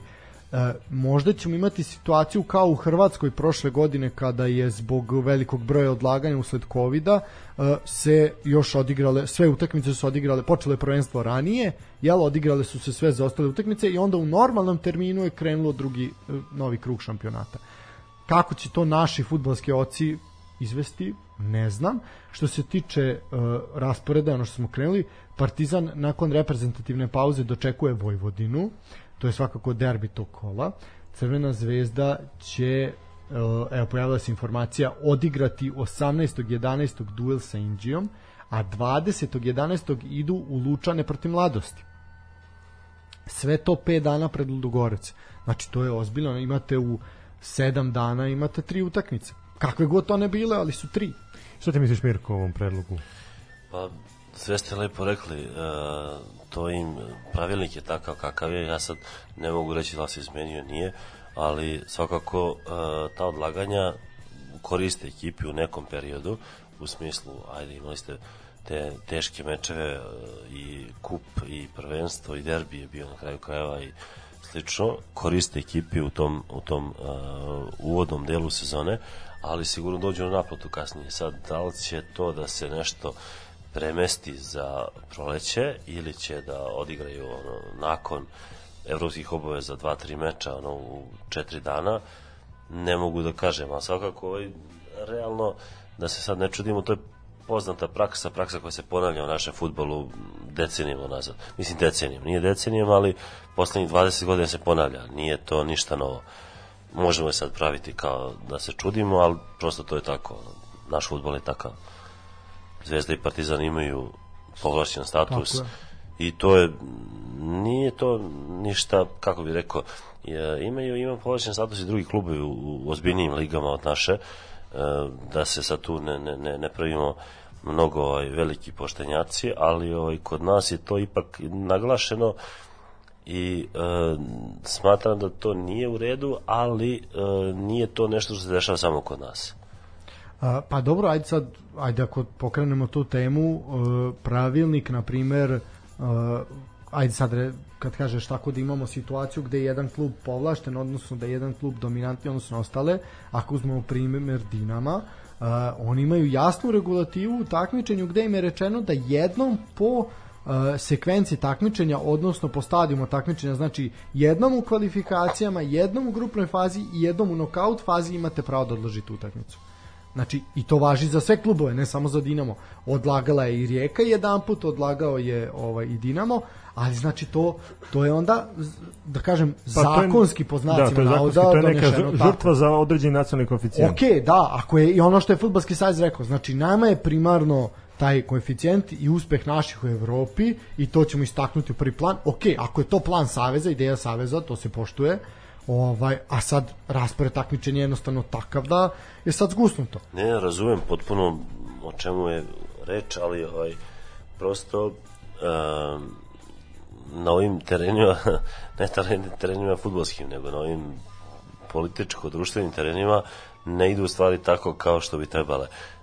Razumem, pravilnik se poštuje, tu, tu nema priče, ali kod nas je sve to vrlo fleksibilno, ne samo u futbolu, nego prosto u životu. Limbo I- dance fleksibilno. Pa otprilike je tako. I ovaj, prosto nije, nije to nešto za čuđenje, ja se slažem. Treba doneti pravilnik, treba poštovati to sve. Ali ima jedna onako mala digresija koju ja ono, pomenem e, kad pričam o futbolskim savezima, držimo se futbala, e, koju pomenem u razgovoru sa prijateljima koji isto gledaju i prate futbol kao ja, ono, više od 20 godina. E, zaista ozbiljno pratim futbol, eto 27 i po godina. E, ja ne smatram sebe neinformisanim čovekom, ali ja ne znam e, da li sam ikad znao ko je bio predsjednik Futbolskog saveza e, Italije, ko je bio predsjednik Futbolskog saveza Britanije, odnosno Engleske ili Nemačke. Ja zaista ne znam. Možda sam nekad znao, negde zamuhvatio, ali to nije bila informacija koja je opšte poznata široj javnosti, u smislu da je kao tu, kao, ne znam, Lineker je predsjednik Futbolskog saveza FA i kao to je to. Ne, ono, ja sam ubeđen da vas dvojica ne, ne možete na pamet da nabrojite dva predsjednika saveza bilo koje te tri vele sile futbolske. Ne, apsolutno. Sigurno ne može. Apsolutno ne. I verujem da je to mnogo, mnogo šira slika, osim ako sad neko na kvaru ne googla, ali, Ali, ali, to uopšte nije pitanje da, da li ti treba da znaš. Kad Ne, ne, imaš ne razvijen- da kad znaš. imaš razvijen sistem koji funkcioniše tako kako funkcioniše. Pa to ti je ona priča, da li svi znamo, da li uh, cela Nemačka zna ministra poljoprivrede njihovog, pa ne Da, znam, da, ali svi da, znaju da, da je da. Nedimović izašao u farmerkama, razumeš? e, To je Dobro, to. dobro, ne, ne razumem, ali, ali kažem, aj, da igra pričamo, fudbal. Držimo se futbola, Da, da, da, držimo se fudbal, da. futbola i ovaj, u smislu, to su tako, ja, pazite, aj sad da budemo, da budemo ono, pošteni, e, evropsko poslednje, e, Engleska igra e, sve jedan meč osim četvrtfinala igra u Londonu mislim i sad kao da neko da kaže da to nije lobiranje saveza pa mislim nemoj da se zezamo realno ok, dobili su ligaški deo, a što su dobili nokau deo u Londonu? Mogu se dobiju finale u Londonu, nisu morali da dobiju ostale meče u Londonu. Mislim, ne, ne, ne govorim ništa loše, to se, to se tako radi, prosto to je, to je deo našeg života, našeg vakta, naše svakodnevice, ali tako je, mislim, to je potpuno legitimno, ono, bore se ljudi, izborili se, dobili su, nego prosto ovaj, e, ljudi rade stvari za korist saveza.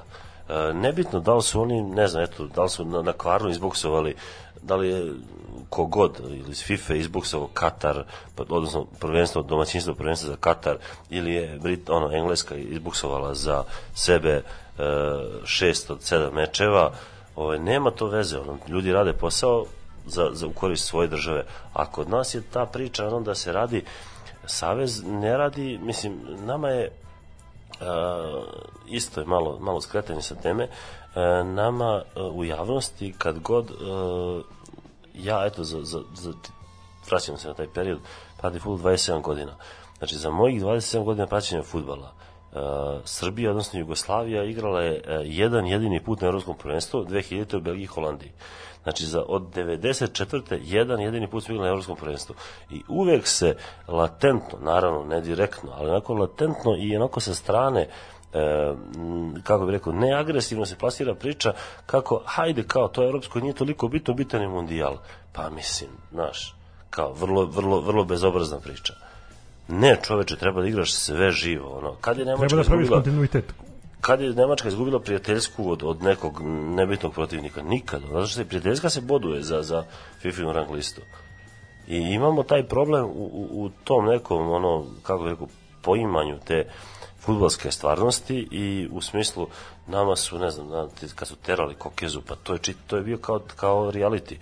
Sve mediji, svi mediji su pratili to, pa da li uradio ovo, da li je ono, da li je vodio tu gospođu tamo, da li nije. Mislim, ne, ne, nebitne stvari, ono, to se, zna se kako se to reši, ono. Nije on Pa, bitan. ok, upravo si, ali moraš imati institucije za tako nešto, a mi to nemamo. Pa čak, Apsolutno, n- apsolutno, ali, ali Pričamo fudbalski, a ne i ostalo. se, naravno, naravno, naravno, vraćamo se na tu priču zašto je, zašto je, krenuli smo od odlaganja mečeva, zašto se odlaga? Pa zato što, što ne postoji sistem nikakav.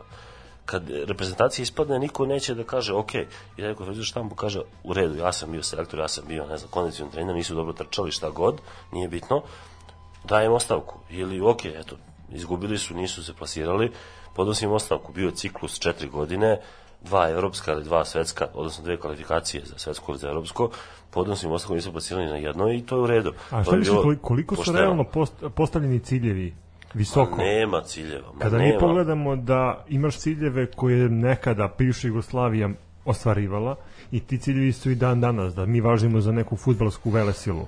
Ako ne bar velesilu, bar silu. A jel neko E, a ti si došao do toga da si imao situaciju da ono, ako super je, ako uspemo da se uopšte plasiramo, da imamo mogućnost da igramo taj baraž. Pa jeste super. Mislim da se mi ne lažemo, to jeste super. To što mi imamo predstavu o sebi da smo mi ne znam kako veliki, to, to je Znaš budalaština. kada uz- uzimam primjer ta utakmica sa Škotskom.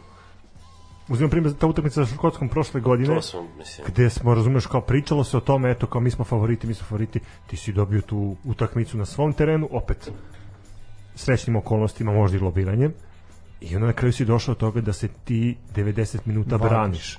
I vadiš posle e, i posle vadiš da. u, u nastavku.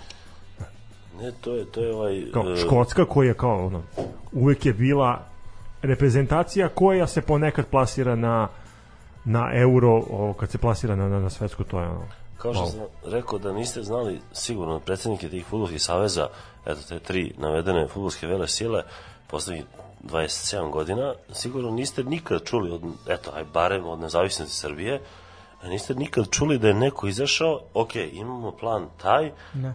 pričam za futbol, naravno. Ne, jasno. Imamo plan taj, plasirat će se A selekcija na evropsko, plasirat će se u van grupne faze svetskog, ne, to ne postoji kod nas. Tako je, da, da se sve radi s brda s dola. Tebi je Pixi doveden kao marketinški potez. Pa da, kao i Siniša Mihajlović, zato što je neko, pažnje- neko ko će da amortizuje udarce koje je dobila sa- reprezentacija. Sa, da, naravno, naravno, skretanje pažnje sa, sa onoga, ali mislim, potpuno pogrešno postavljanje stvari, ovaj, nije taj, mislim, Pixi je, ja verujem da je on sasvim korektan trener, ne, ne, ne, ne mogu ja da sumnjam u to, ovaj, pre, pre, pre svega jedna igračka legenda, mislim, to naše države. evropskog najveća. okvira, svetskog, nije, nije samo jugoslovenskog, nego ozbiljan, ozbiljan futbaler, preozbiljan. O, ali, ali ovaj, to je taj problem kod nas, on nemamo, nemamo nikako, niko ne snosi odgovornost ni za šta.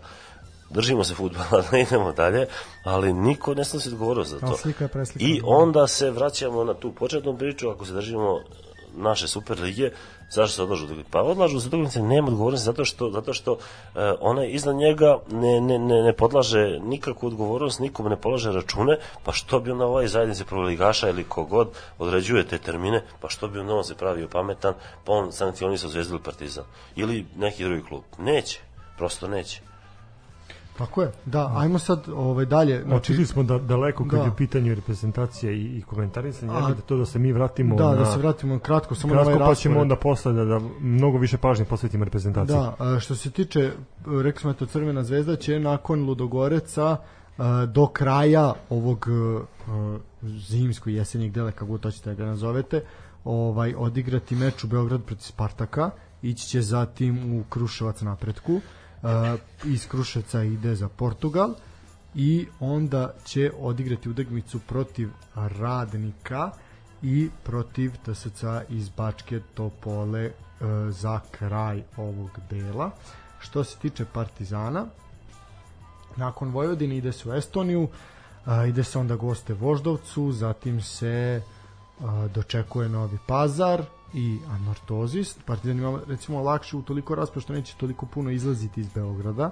Ide se u Gornji Milanovac Metalcu i za kraj dolazi Kolubara. A, jako gusto, jako nabijeno.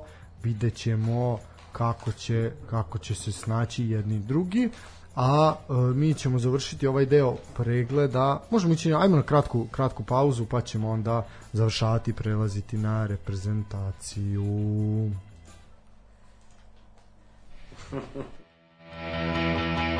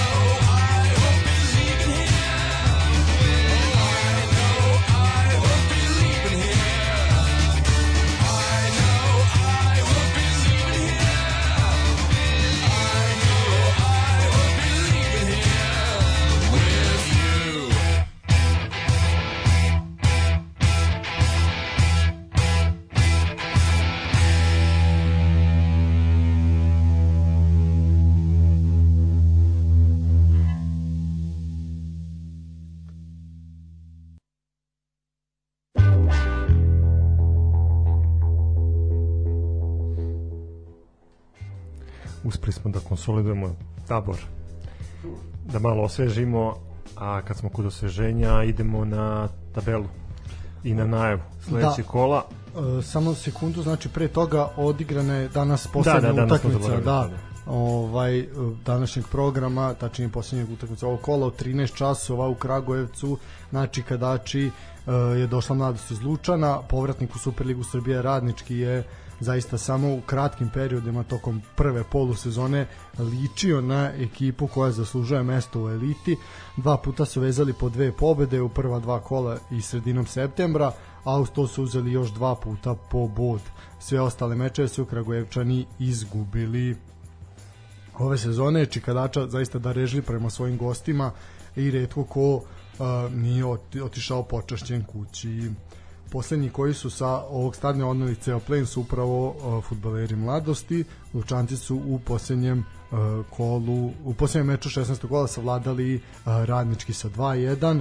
Uh, potvrdili su zaista odličnu formu uh, zajedno sa Danovskim koji je otvorio ovaj meč u 14. Po, u 14. minutu pogodkom čovjek koji isto u fantastičnoj formi uh, četvrta pobjeda mladosti u posljednjih pet kola uz onaj jedan nerešen duel uh, sa druge strane zaista košmarna serija uh, Kragujevčana koje se ne nazire kraj uh, vezali su šest poraza od kojih tri na svom stadionu i kao što je logično bo, boje se i bo, brinu za taj opstanak pošto se nalaze u zoni ispadanja za 2-0 iskusni Janko Tubasević zaista veteran naše lige u 55. je postigao pogodak da bi Jovanović smanjio, smanjio na 2-1 u 57. minutu uh, šta reći, mladost zaista ovaj, u dobroj formi, podigli su se poprilično, ono što smo svi pričali u uvodnim kolima i upozoravali kad je bila mladost bez pobede, ne brinite, neće tako ostati. Ovaj zaista sada u odličnoj odličnoj formi sve je zapravo počelo onim pa dolaskom Danovskog zapravo i sad se i Bojović oporavio i sada ta mladost ponovo liči dosta Katanića, znači to je jedna ozbiljna ozbiljna ovaj ekipa i koja svakako zavređuje pažnju. Polako dižu formu, to se vidi. Apsolutno. Uh, što se tiče uh, tabele, ovim je kao što smo rekli kompletirano kolo, a možemo sad ići na tablicu ovaj, sa tradicionalno pitanje da li više voliš od ja bi gore ili od dole. Da, to. Mirko, više voliš od dole ili od gore? Pa, od gore. Sve romantici u pičkama. Dobro, ništa, ajmo redom. Znači, nakon 16. kola, e, Partizan je dalje prvi, kao što smo rekli, sa 6 boda prednosti, 14 pobede, 2 nerešena i dalje bez poraza, 44, 5 je gol razlika. Druga je Crna zvezda sa utakmicom manje. E, eto, e, ima šansu Crvena zvezda da nakon tog zaostalog meča ovaj još malo smanji tu bodovnu prednost i da svakako ovaj učini ovu borbu za titulu još zanimljivijom. Uh, 12 pobjeda, 2 nerešeni, jedno, jedan poraz, 38 bodova. Treći je Čukarički sa takođe utakmica manje, 7 pobjeda, 5 nerešenih, 3 poraza, 26 bodova. I sad počinje karambol, sad su svi jedni do drugih, socijalna distanca se ne poštuje ni malo, četvrta je Vojvodina sa utakmicom manje 23 boda, peti je napredak sa svim utakmicama i 23 boda, Šesta je, šesti je Topola sa utakmicom manje 22 boda, sedmi je Voždovac sa takođe utakmicom manje i 22 boda, osmi je Spartak sa svim utakmicama i 22 boda, to je što se tiče play-offa. E sad kratko ću se zustaviti na play-offu, kako tebi Mirko ovde izgleda ovih osam najelitnijih timova što će činiti taj play-off, ako bi se sada podvukla crta, da li misliš da je neko iznenađenje, da li nekom tu nije mesto i kome?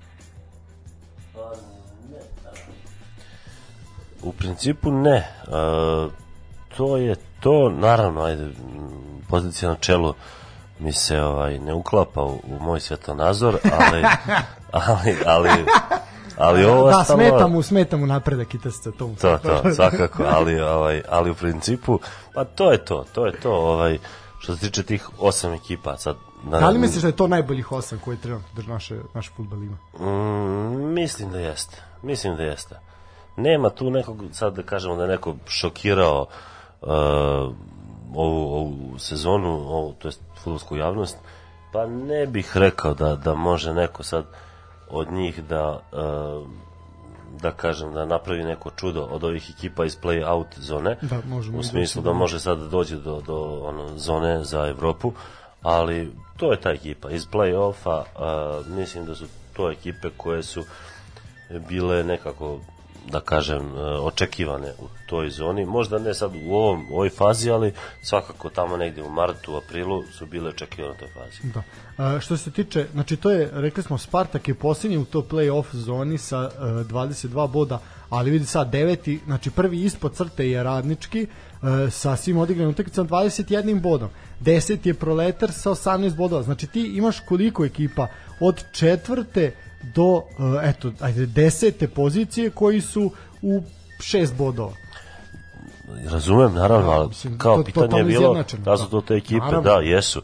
Sad, uh, Ima Spartak tu- ima kontinuitet već, eto, tih nekih uh, koliko je već on u Superligi, mislim 11 godina, uh, ima, ima kontinuitet, uvek je u nekoj sredini malo ka gore, ali ovaj, to je jedna sasvim, sasvim solidna ekipa uh, što se tiče našeg futbola. E, ne bih rekao da neko od ovih ekipa, osim možda radničkog, ima potencijal da ode gore.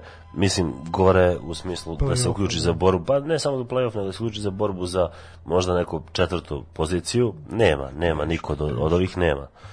E, ima tu korektnih timova, ali, ali ovaj, osim ako se ne desi neko čudo, neki ono čaroban prelazni rok, ne verujem da mogu da naprave iskorak do, do nekog petog mesta.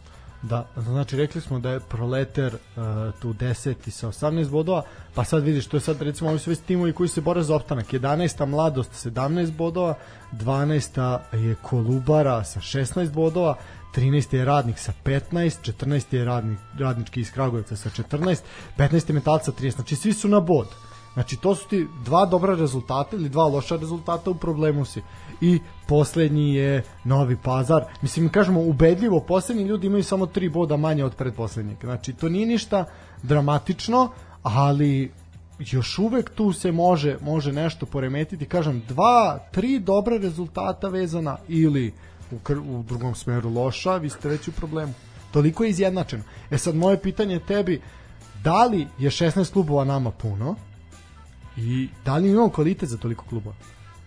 Uh, što se tiče samog mog ono, posmatranja futbala, uh, ja sam onako prilično old school što se toga tiče u smislu da sam ja uh, bez mudrovanja za dvokružni sistem i to je to. Dakle, jedna utakmica kući, jedna utakmica na strani i ne bih ja tu izmišljao ni play-off, ni play-out, ni trokružni sistem, ni e, parcijalni trokružni, ništa od toga. Prosto ja sam eto neki, što si rekao malo pre za da volim od gore tabelu, ja sam neki romantik futbolski i, i jednostavno o, tako posebno stvari. E, nije, mislim da nije mnogo 16 za našu ligu, ali kad bi to bilo tako tvrdo sa recimo dve ekipe ispadanja, e, eventualno tri, ali e, to je to, dvokružno i to je to, nema mudrovanja. E, a u ovoj varijanti sa play-offom, play-outom, sa brisanjem bodova od pre nekoliko godina sad se ne brišu, ali ovaj, nisam, nisam uopšte e, ne volim te kalkulacije, ne volim ta računanja. Ja sam onako, kad futbol posmatram, nekako za taj stari sistem. Da, mi smo imali, na primjer, prošle sezone imali smo 20 timova i to je evidentno bilo da je previše, da mi nemamo ni infrastrukturu, a ni jednostavno ni kapacitet za to. Jednostavno videlo se da su timovi uh, po nekvalitetu odskakali, jednostavno je bilo jasno da njima nije mesto tu. Uh, videli smo kakva je bila ta epska borba za opstanak koju ono, su bijela možda snimi film lagano ovaj, mani se tome i gluposti ovaj, a što se tiče ovoga ja sam zaista mišljenja i mi to pričamo da je nama i ovo puno i da realno mi imamo kvalitet za dvan, top 12 znači da to bude 12 timova i da ćemo onda imati zaista zanimljive utakmice iz kola kola. Jer vi, evo video si sad iz ove naše analize da ti realno imaš četiri utakmice prosek je od dve do četiri utakmice koje totalno podbace. E, da, ali imali su, eto gledamo, um, ove naše lige, bivše SFRJ, osakaćene su poprilično tim, tim raspadom i prosto to su, tu igraju neke lige u elitnom rangu takmičenja, kako si formulisao, zapravo nije to formulacija tvoja, nego to je to jeste elitni rang takmičenja, a, igraju ekipe koje nikad nisu ni, ni, ni pomislili da će igrati u tom rangu takmičenja. I, ali to je situacija svuda, i u Hrvatskoj, i u, i u Sloveniji, i u BiH. I e, prosto e, nekako e, računam da bi e, ta skraćivanja lige na recimo 10 ili na 12 klubova tu neminovno ne može se igra uh, 18 kola ili, ili 22 kola. Moralo bi se igrati trokružno, Moralo da. trokružno ili trokružno plus play-off ili četvorokružno ili nekako kao kako rešavaju ne znam neki drugi švajcarci ili škoti ili slično ali mislim da bi to značajno razvodnilo e, zainteresovanost naroda za taj futbal. E, zainteresovanost naroda prvenstveno opet kažem da se ne pravimo sad veverice ljudi vole da gledaju te dve plus možda jednu ili dve dodatne ekipe znači Zvezda Partizan pomalo Vojvodina, eventualno nego ko je interesantan i to je to. Mislim, ne, ne, nije to, ne govorim ja ništa što ne zna svako, jedino ako neko hoće da se pravi malo, malo naivan pa da, da neće to da čuje. Ali e, prosto ovaj, kad bi bilo u sezoni četiri derbija u ligi plus e, jedan, eventualno dva u kupu okviru polufinale, e, a to su ipak najgledanije utakmice naše lige, na šta god ko mislio, to, to bi bilo vrlo, vrlo ovaj, razvodnjeno.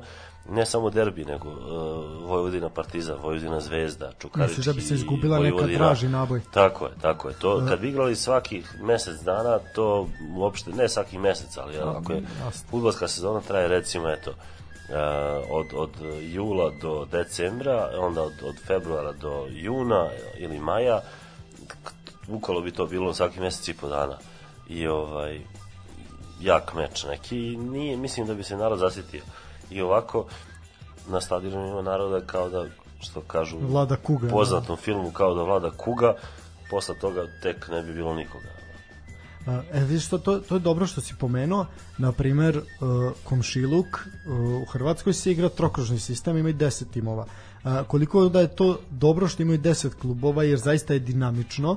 A, problem upravo je nastao u tome da sada a, Dinamo i Hajduk igraju na svaka dva meseca, jer za 9 kola, što je reto 9 nedelja ako se ne igra i sredom, ovaj to je jel, dva meseca ti se sastaju i nema te draži. I to i njihovi novinari kažu.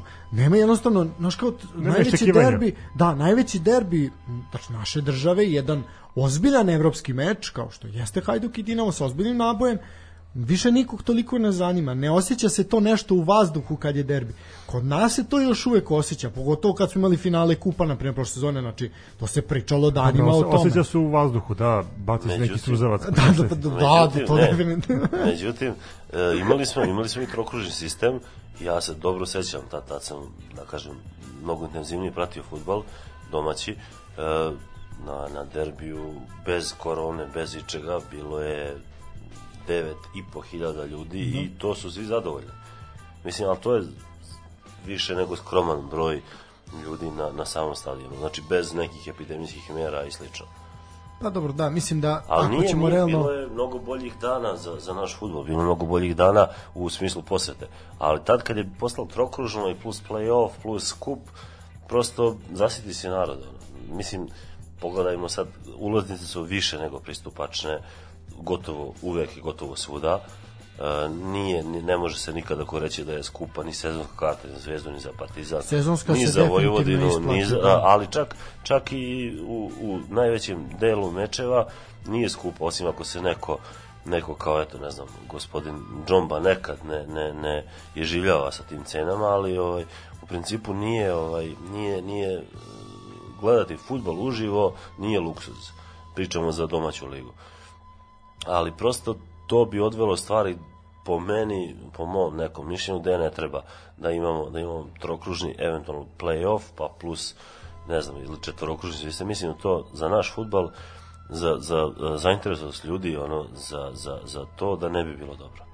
Ali opet to je samo neki, neki Ok, da, mi smo imali, na primjer, Goš, to sad uvijek napominje kao eto neki, neko mišljenje, ovaj, mi smo zaista tog mišljenja da ipak treba uh, istaknuti kvalitet pre pre samog broja, ali na primjer imali smo uh, predstavnika fudbalskog kluba Voždovac kao neko ko je to se sad već stabilan superligaš, gde su je devika rekla da je stav kluba da se oni slažu sa tim da mi imamo 16 klubova u ligi, jer samim tim kao će se kao stav fudbalskog saveza je da parafraziram uh, da se tako očuvavaju fudbalski centri. Mislim To je mislim sad da se, da. se opet da budemo otvoreni koliko možemo biti otvoreni, niti Srbija ima futbolske centre u pravom smislu te reči, a na kraju krajeva niti ta dama sme da kaže bilo šta što, što se ne slaže sa, sa ne znam, recimo stavom Futbolskog saveza. To je već neka druga priča, ali ovaj, nemamo mi futbolske centre, odavno ih nemamo. I to je, to je ono opšte poznata stvar, imamo možda dve ili eventualno dve imamo svakako, ali možda eto tri ili četiri akademije koje mogu da proizvedu igrača, da ga prodaju. Za, za više od tog broja, od recimo četiri akademije, to je upitno vrlo, a za ove druge klubove, pa mislim, opet sad, ako ćemo da, da kako bih rekao, da prizemljimo stvari, u smislu da posmatramo stvari sa, sa nekog životnog aspekta, pa ti igrači koji igraju, evo sad smo pomenuli, pričali smo play-off, play-out zoni, pa ti igrači koji igraju play-out zoni, pa velika, velika većina njih igra za manje od ili za prosječnu platu u Srbiji ili za, za, za malo iznad prosječne plate u Srbiji. A kad uzmemo obzir to da njihov radni vek e, 10 ili 11 ili 14 godina, onda je jasno kakva je to priča. Tako da ovaj, to sužavanje lige i mislim da ne, ne kažem da će to da njih spase, da će oni da žive značajno bolje od toga, ali nisam sad ja nikakav zagovornik njihovog, kako bi rekao, njihovog ono, penzionog fonda ni bilo čega, ali prosto ovaj, mislim da ne, ne rešava to ništa. Nije, nije u tome problem. Problem je u nekim drugim stvarima. E sad, ajde, ovo sad ta priča o futbolskim centrima, ovaj, taman će se lepo nadovezati na našu narodnu temu, ali sad, ono što je sad, o čemu se priča ovih prethodnih nedelja i meseci, a to su to građenje stadiona širom države, ovaj, gde to, mislim, počinje sa gradnjom u, u Kikindi, gde mislim ono šta kome treba stadion u Kikindi, Ofka Kikindi koji igra ono šesto, šesto rang takmičenja. Ili mislim Dubočić iz Leskovca koje ok, jesu tu su ono druga, druga treća liga ono idu ups and downs ali kome treba, zašto to, mislim, ja, ja na primjer to ne shvatam. Aj sredite stadion Čukaričkom, sredite stadion nekome ko je, ko je tu stabilan, ko sredite stadion rad, radničkom iz Niša u krajnjoj liniji, ko stadion se raspada, ne bože s neko ubode, Sepsu će dobiti. Ovaj, ili Karadžođe, Karadžođe vapi za rekonstrukcijom ovoga dva tima, plus ako uđe i mladost, to će biti ozbiljan problem. Ovaj, tako da, na, malo mi, nama to baš nije jasno, ok, jasno je da je to neki populizam, da su to izborni bodovi, ali ti stadioni se grade, mislim, taj stadion u Leskovcu je u podmaklim radovima. Kome taj stadion, čemu? Pa eto imaš i tu situaciju da se najavilo izgradnja stadiona u Zaječaru. Ja opet kažem, Timok, pitam kome i čemu. Timok igra prvu ligu, a, Dubočica igra trenutno treći rang takmičenja, odnosno srpsku ligu. Eto, da, da pomenuli se za Kikindu, ja za Kikindu nisam čuo. Da, da, predstavljen je, predstavljen je, usvojen je taj kao nacrt, plan, sve to, sve krenulo se s radovima. Mislim, ako se stadioni zidaju za potrebe promovisanja futbala u tim regionima, to mogu da podržim, jer se onda stvara baza nekih igrača, a, imaće deca više prilike da, da se razvijaju kao futbaleri i da na nekim ozbiljnim stadionima igraju futbal. A opet kako ako gledamo, time- ako gledamo to, to, to, to, da, to, da postoje pravila vezana za odigravanje a, bitnih međunarodnih utakmica, a, opet dolazimo u tu, čini, u tu situaciju tu, tu činjenicu da je jedino moguće da se utakmice igraju u Beogradu. Tako je. Eventualno u Novom Sadu, eto, imao je taj a, projekat a, izgradnje novog stadiona Vojvodine, to je stalo, a, ima određenih a, mišljenja da li je dobro ili ne, da li treba rekonstruisati Karadžorđe, da li ga treba izmestiti na neku drugu lokaciju, ali onda gledamo da jedino mlada reprezentacija, odnosno mlađe selekcije reprezentacije do 21-19 a, kadetska mogu da igraju po po tim gradovima i onda se pitamo opet za koga se igra taj futbol. Tako je, ali veliko pitanje je ako je cilj i tendencija da se očuvaju futbolski centri, a moje onda pitanje kakav je futbolski centar u Kikindi, kome pravi, mislim, zašto onda tu, zašto se ne radi nešto drugo? E, Znaš, znači nije moralo samo Kikinda, može Nebitno, to je samo jedan može, primer. ne znam, a, pa vidi Zrenjanin je futbolski, na pazi, okay. znači sve jedno. Stadion Smedereva propada, a stadion Smedereva je ispunjavao čak i, i Evropski. evropske tak, ovaj, a, kriterijume. Jako Tako lep stadion. Pritom Tako pričamo estetski onako iz unutrašnjosti. S polja nije, s polja ne liči ni na što, ali iznutra je jedan možda od pričam onako kad bi gledali za te futbolske romantike što, što vole tabelu od gore, možda je jedan od najlepših stadiona u Srbiji. Pa, Imaš sigurno. stadion Nobilića isto koji je bio poprilično u dobrom stanju, za njih 20 godina je ruglo. Pritom a, a, imaš tu situaciju da je rad i OFK Beograd svoje utakmice u jednom mom- da. momentu igra na tom stadionu. Znači, ok, ajde bar da, da probamo da, da krenemo ono od, od centra pa da, imamo, da. se širimo ka periferiji, odnosno ka unutrašnjosti, da barem osposobimo te stadione u Beogradu. Znaš, kao Ok, ne- centru. ok, ne mora nužno biti ni Beograd, ali ono, ajde, da je to stadiona Spartaka, razumeš, kojem vapi za rekonstrukcijom. Ok, promenjena je travnata podloga, ali sve ostalo vapi za rekonstrukcijom. Znaš, ta, tako neke stvari su Znaš, meni... do, dobili smo stadion TSC-a koji je za klasu, možda i Apsolutno, dve, tri, apsolutno. ispred ostalih stadiona. Tih klubova ovaj, u tom nekom rangu. A i pritom, sećaš se šta je čovek rekao na otvaranju stadiona? Šta je čovjek rekao? Da, da nije nije prioritet- primarno, tako je. Nije primarno. Primarno je da imaju gde mlađe selekcije da igraju, znači da imaju šta da koriste koji teren i naravno koristit će se i za neke druge profitabilne To ti stvari. kažem, ali na primjer uh, TSC ima jako veliku bazu dece koja trenira futbal to u tom klubu. Ne verujem ja da Kikinda ima takvu veliku bazu kao O tome kao se radi, o tome, tome te pričam. Pritom je, e, znamo da je stadion TSC finansiran isključivo od strane e, mađarske strane, znači ne naša, nije naše samo dali zemljište. Mislim samo, ali to opet nije bila ideja naše, naše našeg fudbalskog saza i naše vlade, znači nije bio takav program. Što je opet se vraćamo na, na tu priču da je to ne je smisleno ništa, da je to takvo razbacivanje neko bez veze, bar nama tako Opet, deluje. opet nema Možda plana, za- m, Tako nema je. ideje. Možda za neki 50 godina s neke hladne istorijske distance ćemo mi videti taj veliki duboko umni plan, ali nešto sumnjam. Ili možda jednostavno mi ne vidimo to što treba da vidimo.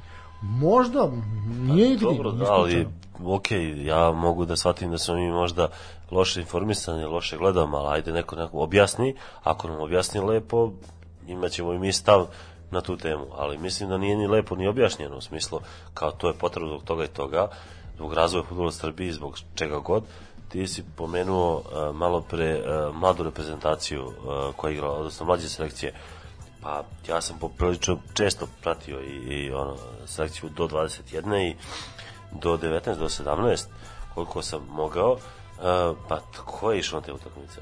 Osim uh, nekoliko navrata u Nišu i u Kragujevcu, uh, u Novom Sadu, u Beogradu, to niko živ nije gledao. To je, to je bilo to, to je bilo da dođu semenkari i da dođe, ne znam, ono, neka uža rodbina ili eventualno neko ko zaluta, pa eto ima 100 dinara i kao plati kartu, ali bukvalno tako bilo, ja se ne šalim.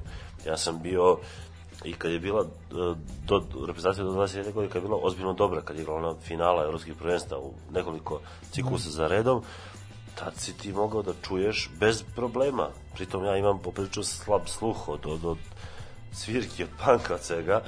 E, Dakle, ti si tad poprilično dobro mogao da čuješ kako se igrači svađaju na terenu, da čuješ šta jedan drugog govore. A pričamo o ozbiljnoj reprezentaciji koja je igrala polufinale i finale evropskog prvenstva.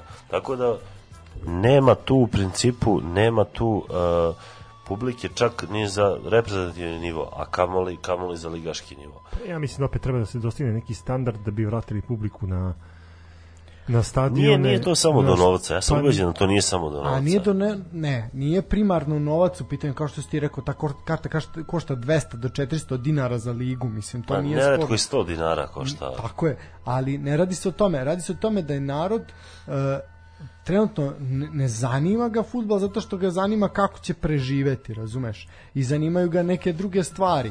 I onda kad nema mi, mirnoću na nekim uh, emo, nekom emotivnom planu, onda zato jednostavno ni ne stiže da razmišlja o futbalu, razumeš? To, to, je, to je problem zapravo.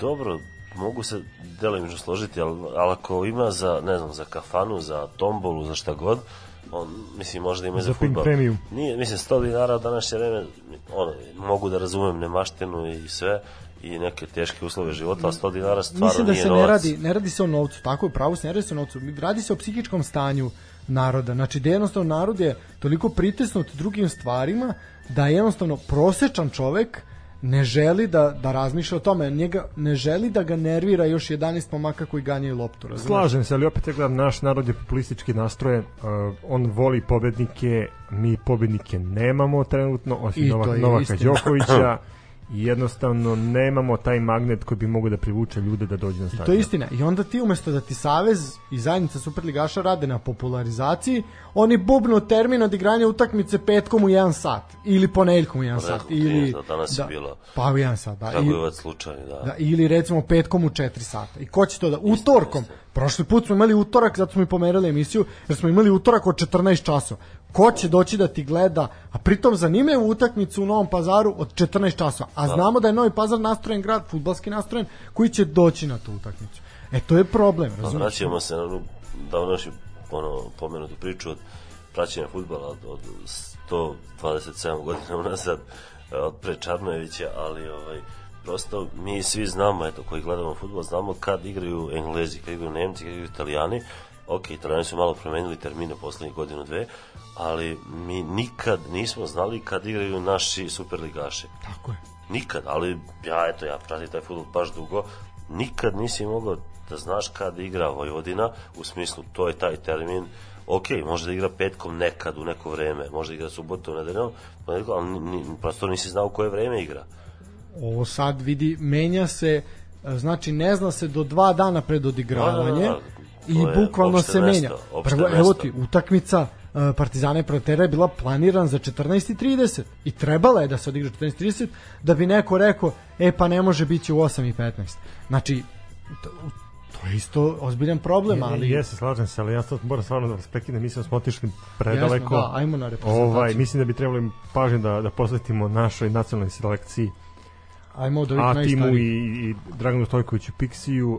E, mislim da je to trenutno sad u, u žiži interesovanja. Pa jeste, pogotovo kada smo kompletirali ovo kolo Linglong Super Lige.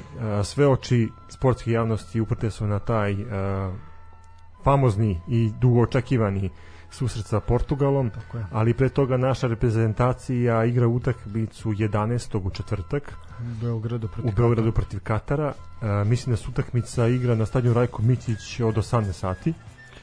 Da, što se tiče spiska koji su momci koji su pozvani, znači ako idemo od golmana, na golu su znači predviđeni Predrag Rajković, Marko Dmitrović, Mile Svilar i Vanja Milinković Savić, je to neko ko je Šta misliš, ko može da, da stane ja Na iskreno od ove, a sad najiskrenije ako pričamo, znači od ove četvorice ja ne znam ko je Gora Kiksara. Znači po, po meni ja ne vidim Dmitrović, bože sačuvaj. Ovaj Mile Svilar je korektan, ali čovjek je premlad, mislim on je mlad dečko, ovaj ne znam koliko je pametno. Ja bih mu dao šansu protiv Katara pa da vidimo, ali ja sam uveren da će Rajković braniti. Mo da videli smo i šta je Rajković uradio u prethodnom meču, ono je vidi za ozbiljnu za ozbiljnu kritiku. E, što se tiče odbrane, Strahinja Pavlović, Miloš Veljković, Stefan Mitrović, Uroš Spajić, koji bih ja zaista voleo da mi neko objasni na osnovu čega da bi pozivio za reprezentaciju, Matija Nastasić i Nikola Milenković. Pa u suštini bolje nemamo, ali i ovi što su tu je veliko pitanje kako su tu, ako je Uroš Spajić i pa i sad i Stefan Mitrović koji onako poprilično to klimavo sve te igre njegove Milenković je delu- sad na poslednjem meču imao dva žuta Da. u pet minuta. ono. Palajdunu- Ne, ja mislim da smo da, barem mislim- što se tiče odbrane tu otprilike sigurni ko može da, da nastupi. Uh, definitivno Pavlović, Milenković i pitanje je ko će biti treći uh, štoper. Pa verovatno Veljković, ono, Pa pretpostavljam. ne znam, Veljković čak Mitrović. možda je Mitrović ubacio. Vidim da Nastasić nije nešto igrao, ali eto selektor, Pa ne igra već selektor je pre neki dan izjavio da, da ga ne interesuje ko je koliko minuta skupio u svojim klubovima, već ga interesuje trenutna forma pred meč sa Portugalom i Katarom, ali eto, vidjet ćemo u kakvoj će formaciji izaći naša reprezentacija. Um, što se tiče da golmana, ja sam tu ubeđen da će Rajković početi meč. Ali da, mislim, ono, ne znam, od, od zla oca i od gore vjerojatno zbog majke. da. kontinuiteta tog. koji, ono, Apsolutno, da, Mislim, sve svaki trener voli da gol na kontinuitet, vjerojatno zbog toga hoće, ali u principu onaj kiks je stvarno Katastrofalan, da. baš, baš ozbiljan i ono, u bilo kojoj ozbiljnoj reprezentaciji bi dobio onako. Pa dobro, sreće pa protivnik nije bio nešto preterano moćan da, da, da Pa iskoristi te sreće, da. te momente kiksa našeg golmana, pa eto, možda smo nekako i progledali kroz prste, ali da je neka ozbiljna utakmica u pitanju, ozbiljno bi se razmislili za njegov istup. E sad što se tiče veznog reda, tu imamo uh, Nemanju Gudelja, Nemanju Maksimovića, Sašu Lukića, Marka Grujića, Uroša Račića, Nemanju Radonjića, Darka Lazovića, Andriju Živkovića, Filipa Kostića, Filipa Mladenovića, Mihajla Ristića, Sergeja Milinkovića Savića, Filipa Đuričića i Dušana Tadića. U suštini, ono, di beste. Ono što imamo, to smo izvali. Uh, ko će tu dobiti šansu, to ćemo videti. U suštini, pa vidi kogo da dobije od njih je zasluženo ovaj tu nema nema priče jednostavno svi tu ovaj su pokazali i ove sezone da su dobri Tadić, Savić prednjače ali i Andrija Živković i Filip Kostić apsolutno kogod da bude izabran će pokazati pokazati kvalitet. E sad, što se tiče napada, tu imamo možda i najmanje brige, imamo fantastičnog Aleksandra Mitrovića koji rešeta iz kola u kolo, imamo Dušana Vlahovića koji je takođe u fantastičnoj seriji i imamo Luku Jovića koji kvalitetom zaslužuje poziv, ali po igrama baš i ne. Eto, to je ono što je Dragan Stojković izabrao uh, vidjet ćemo kako će se momci snaći i na šta će to ličiti uh, Vaše, vaše ovaj, neke da kažem observacije vezane za za ovaj utak, utakmicu sa Portugalom pa šta misli Stanislave? Pa iskreno ne znam šta možemo očekujemo, nadam se da će naši momci biti borbeni, to je ono što ja želim, pa... Ja šta... mislim da to je ono što Dragan Stojković najavljuje, ta požrtvovanost srca na teren, da se žargonski izrazim, da toga neće biti manjka, ali me interesuje ovako prognoza, da li stvarno možemo da iznenadimo Portugal i da se direktno plasiramo na mondijal? Zašto da ne? Ako ne verujemo u to, onda ne može ni da se desi. Zašto da ne? Mirko, šta ti misliš? Pa, u principu, što se tiče naše reprezentacije za te velike mečeve, e, osim ako nisu velika takmičenja, nisam optimista već neko vreme unazad. Međutim, e, Portugal, osim ono što se, što se ovaj kaže ono Gouta, uh, mislim da nije ekipa koja ne može da se pobedi. E sad, da li će njemu biti dan, da li neće, da li će imati slobodnjak gde treba, da li neće, to ne znam, ali ako njemu nije dan, mislim da, da možemo da izvučemo pobedu. Dobro, ti Stefane? Ja mislim da to nema ništa. Mislim da, stvarno, ali ono, imam neko viđenje cele te situacije, mislim da jedino što je možda dobra stvar je da ako naše reprezentativci odu Lisabon bez neke euforije, da to u suštini bude gorivo koje mi možemo da iskoristimo. Pa idu bez euforije, nema tu neke velike euforije.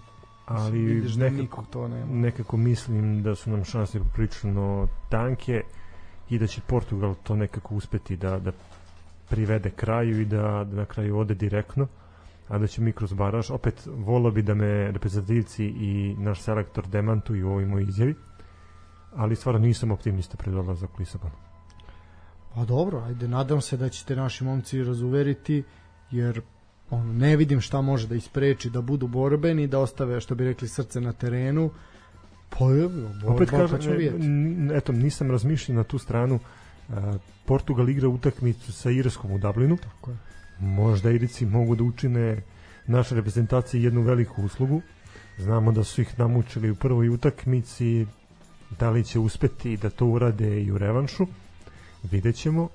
Oni ako sam dobro pogledao igraju utakmicu četvrtak ili petak tako nešto. I Četvrtak. četvrtak je ovaj, pa ćemo vidjeti kako će to izgledati ali ja kažem opet uh, mislim da je drugo mesto u ovoj grupi poprilično veliki uspeh i eto bar nekako mislim da da će naša reprezentacija svoju sreću tražiti kroz baraže Pa to je svakako najrealnija opcija. E sad, što se tiče mlade reprezentacije do 21 godine, uh, ona ima vrlo male šanse da se domogne makar tog drugog mesta.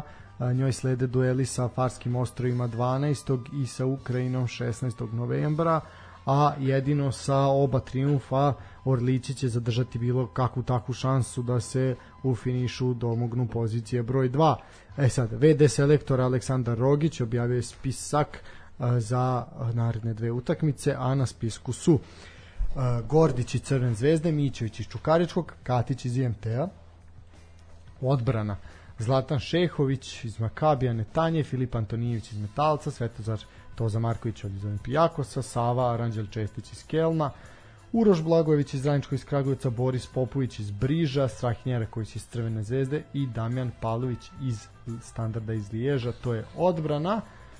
Što se tiče sredine terena, Mirko Topić koji je zaista uspon u forme u Vojvodini, Jovan Lukić od Čukaričkog, Ivan Milosavljević koji je bitan igrač za Voždovac, Petar Stanić, mladi igrač Crvene zvezde, Aleksa Janković, rekli smo, jedan od o- ozbiljnijih u ekipi Čukaričkog, Miloš Pantović takođe iz Voždovca, Armin Đelek koji, ne znam eto opet isto kako je došao taj e, do tog poziva iz Aluminijuma, e sad Filip Stevanović iz Herenvena, Nemanja Jović iz Partizana koji je to šansu u posljednje vreme dobija na kašiku, Stefan Tomić iz Proletera koji je onako pokazao par puta pa jedno ozbiljno neiskustvo i kiks koji je dozvoljen svakako mladom igraču gde ga je Natho onako naukao da dobije žuti karton. Nikola Terzić iz Partizana, Stefan Mitrović iz Radničkog, što se tiče napada, tu su Slobodan Tedić iz Cvolea, Filip Stuparević, povratnik u domaći futbol u Metalac i Uroš Milovanović, napadač radnika iz Surdulice. Šta kažete na ovo? Pa onako prilično interesantan sastav mlade reprezentacije. Oni svoju utakmicu igraju u Novom Sadu na Da. stadionu Karađorđe protiv Farskih ostrava. Mislim da je to utakmica u kojoj moraju uzeti bodove. Takođe ta utakmica sa Ukrajinom biće možda potvrda nekog kvaliteta i odmera snaga da vidimo gde se naša reprezentacija nalazi u odnosu na malo ozbiljnije reprezentacije. Pod tim ozbiljnije mislim ozbiljno na, na Ukrajinu koja ima poprilično dobru izlaznu selekciju. Ali eto ti si napomenuo da imamo jako male šanse za za odlazak na naredno prvenstvo. Mislim, opet, eh, ta reprezentacija imala je tu nesreću da je selektor brzo postavljen, da se selektor nije adaptirao na tim. Imali smo i taj peh da je selektor morao da ponese svoju ostavku. Nekako mi se čini da se ovom kvalifikacijnom ciklusu pristupilo krajnje neozbiljno i eto rezultat je takav kakav Kao jeste. i svaki put u poslednje vreme kad je u pitanju mlada reprezentacija. Mirko, tvoj komentar? Mogu se složiti s tobom što se tiče uh, izbora selektora i, uh, i generalno pristupa ciklusu, ali mm, nekako ha, imam nadu da će da dobiju oba meča. Međutim, e, nije, nije, kako bi, ono, imali smo, te, pomenuo sam pre par minuta taj period kad su igrali naši, ono, nekoliko ciklusa polufinala i finala, pričam za reprezentaciju do 21 godine, kad je i finala evropskih prvenstava, ovaj, nije, nismo mi izvukli ništa od toga. U smislu izvukli, sad da ne budemo, kako bih rekao, da ne budemo uh, naivni, ali uh, reprezentacija do 21 godine služi samo da napravi igrače za seniorsku selekciju, kao i Znači, sve te mlađe kategorije služe da se napravi tako je, i u bilo seniorsku. kom sportu, i u bilo kom klubu i u svemu, prosto to je samo, samo da kažemo, proizvod za, za uh, seniorsku selekciju, ali ovaj, nisu te, te, pogotovo te ekipe do, ono, koje su ostvarili uspehe, nisu napravile e, ozbiljne igrače na dugi rok kao što smo se nadali. Tako da nisam siguran da će i ova da napravi nešto na tom planu. Vidjet ćemo, vreme će pokazati. Da, u suštini ovaj Lopta je okrugla. Da, svoji igraju fudbal. ovaj, da, tako je. Pa u suštini to je to. Ja bih možda i privodio ovo druženje naše kraju. Ovaj Mirko, tebi, tebi svakako hvala. Nadam se da si uživao. Kako ti je bilo sa nama? Hvala vama na pozivu, bilo mi je zadovoljstvo. Trudit ćemo se, ono, što, što ovaj, kažu naši futbaleri, borit ćemo se u narednim mečevima i opravdat ćemo vaše očekivanja. Ostavit ćemo srce na terenu. Srce na terenu. Dobro, Mirko, tebi hvala. Ovaj, ja se nadam da ćeš nam doći ponovo, da se opet malo družimo i opet ovako diskutujemo. U suštini najavili smo ono što je najbitnije, što se tiče basketa slede evropske utakmice pa večiti derbi o kojem ćemo svakako pričati, a ja reč i odjavu prepuštam Stefanu. Pa to je to za večerašnje izdanje naše emisije. Eto, priveli smo kraju 54. put ovo direktno slušanje i emitovanje. Šta reći, eto, ja se nadam da će naši reprezentativci uspeti nekako da opravdaju očekivanja celokupne sportske nacije. E, navijaćemo za njih, e, vidjet ćemo između ostalog e, i dalje razvoj u, u našoj grupi. E, takođe, naredne nedelje nas očekuje nastavak našeg e, prvenstva. Ima dosta stvari koje treba ispratiti, ima dosta o, sportskih dešavanja, pa vi budite u toku sa tim, a mi ćemo u narednom periodu se truditi da vam sve ovo iznesemo na jedan pravi analitični način. A do eto, do naredne emisije sve najbolje i sportski pozdrav.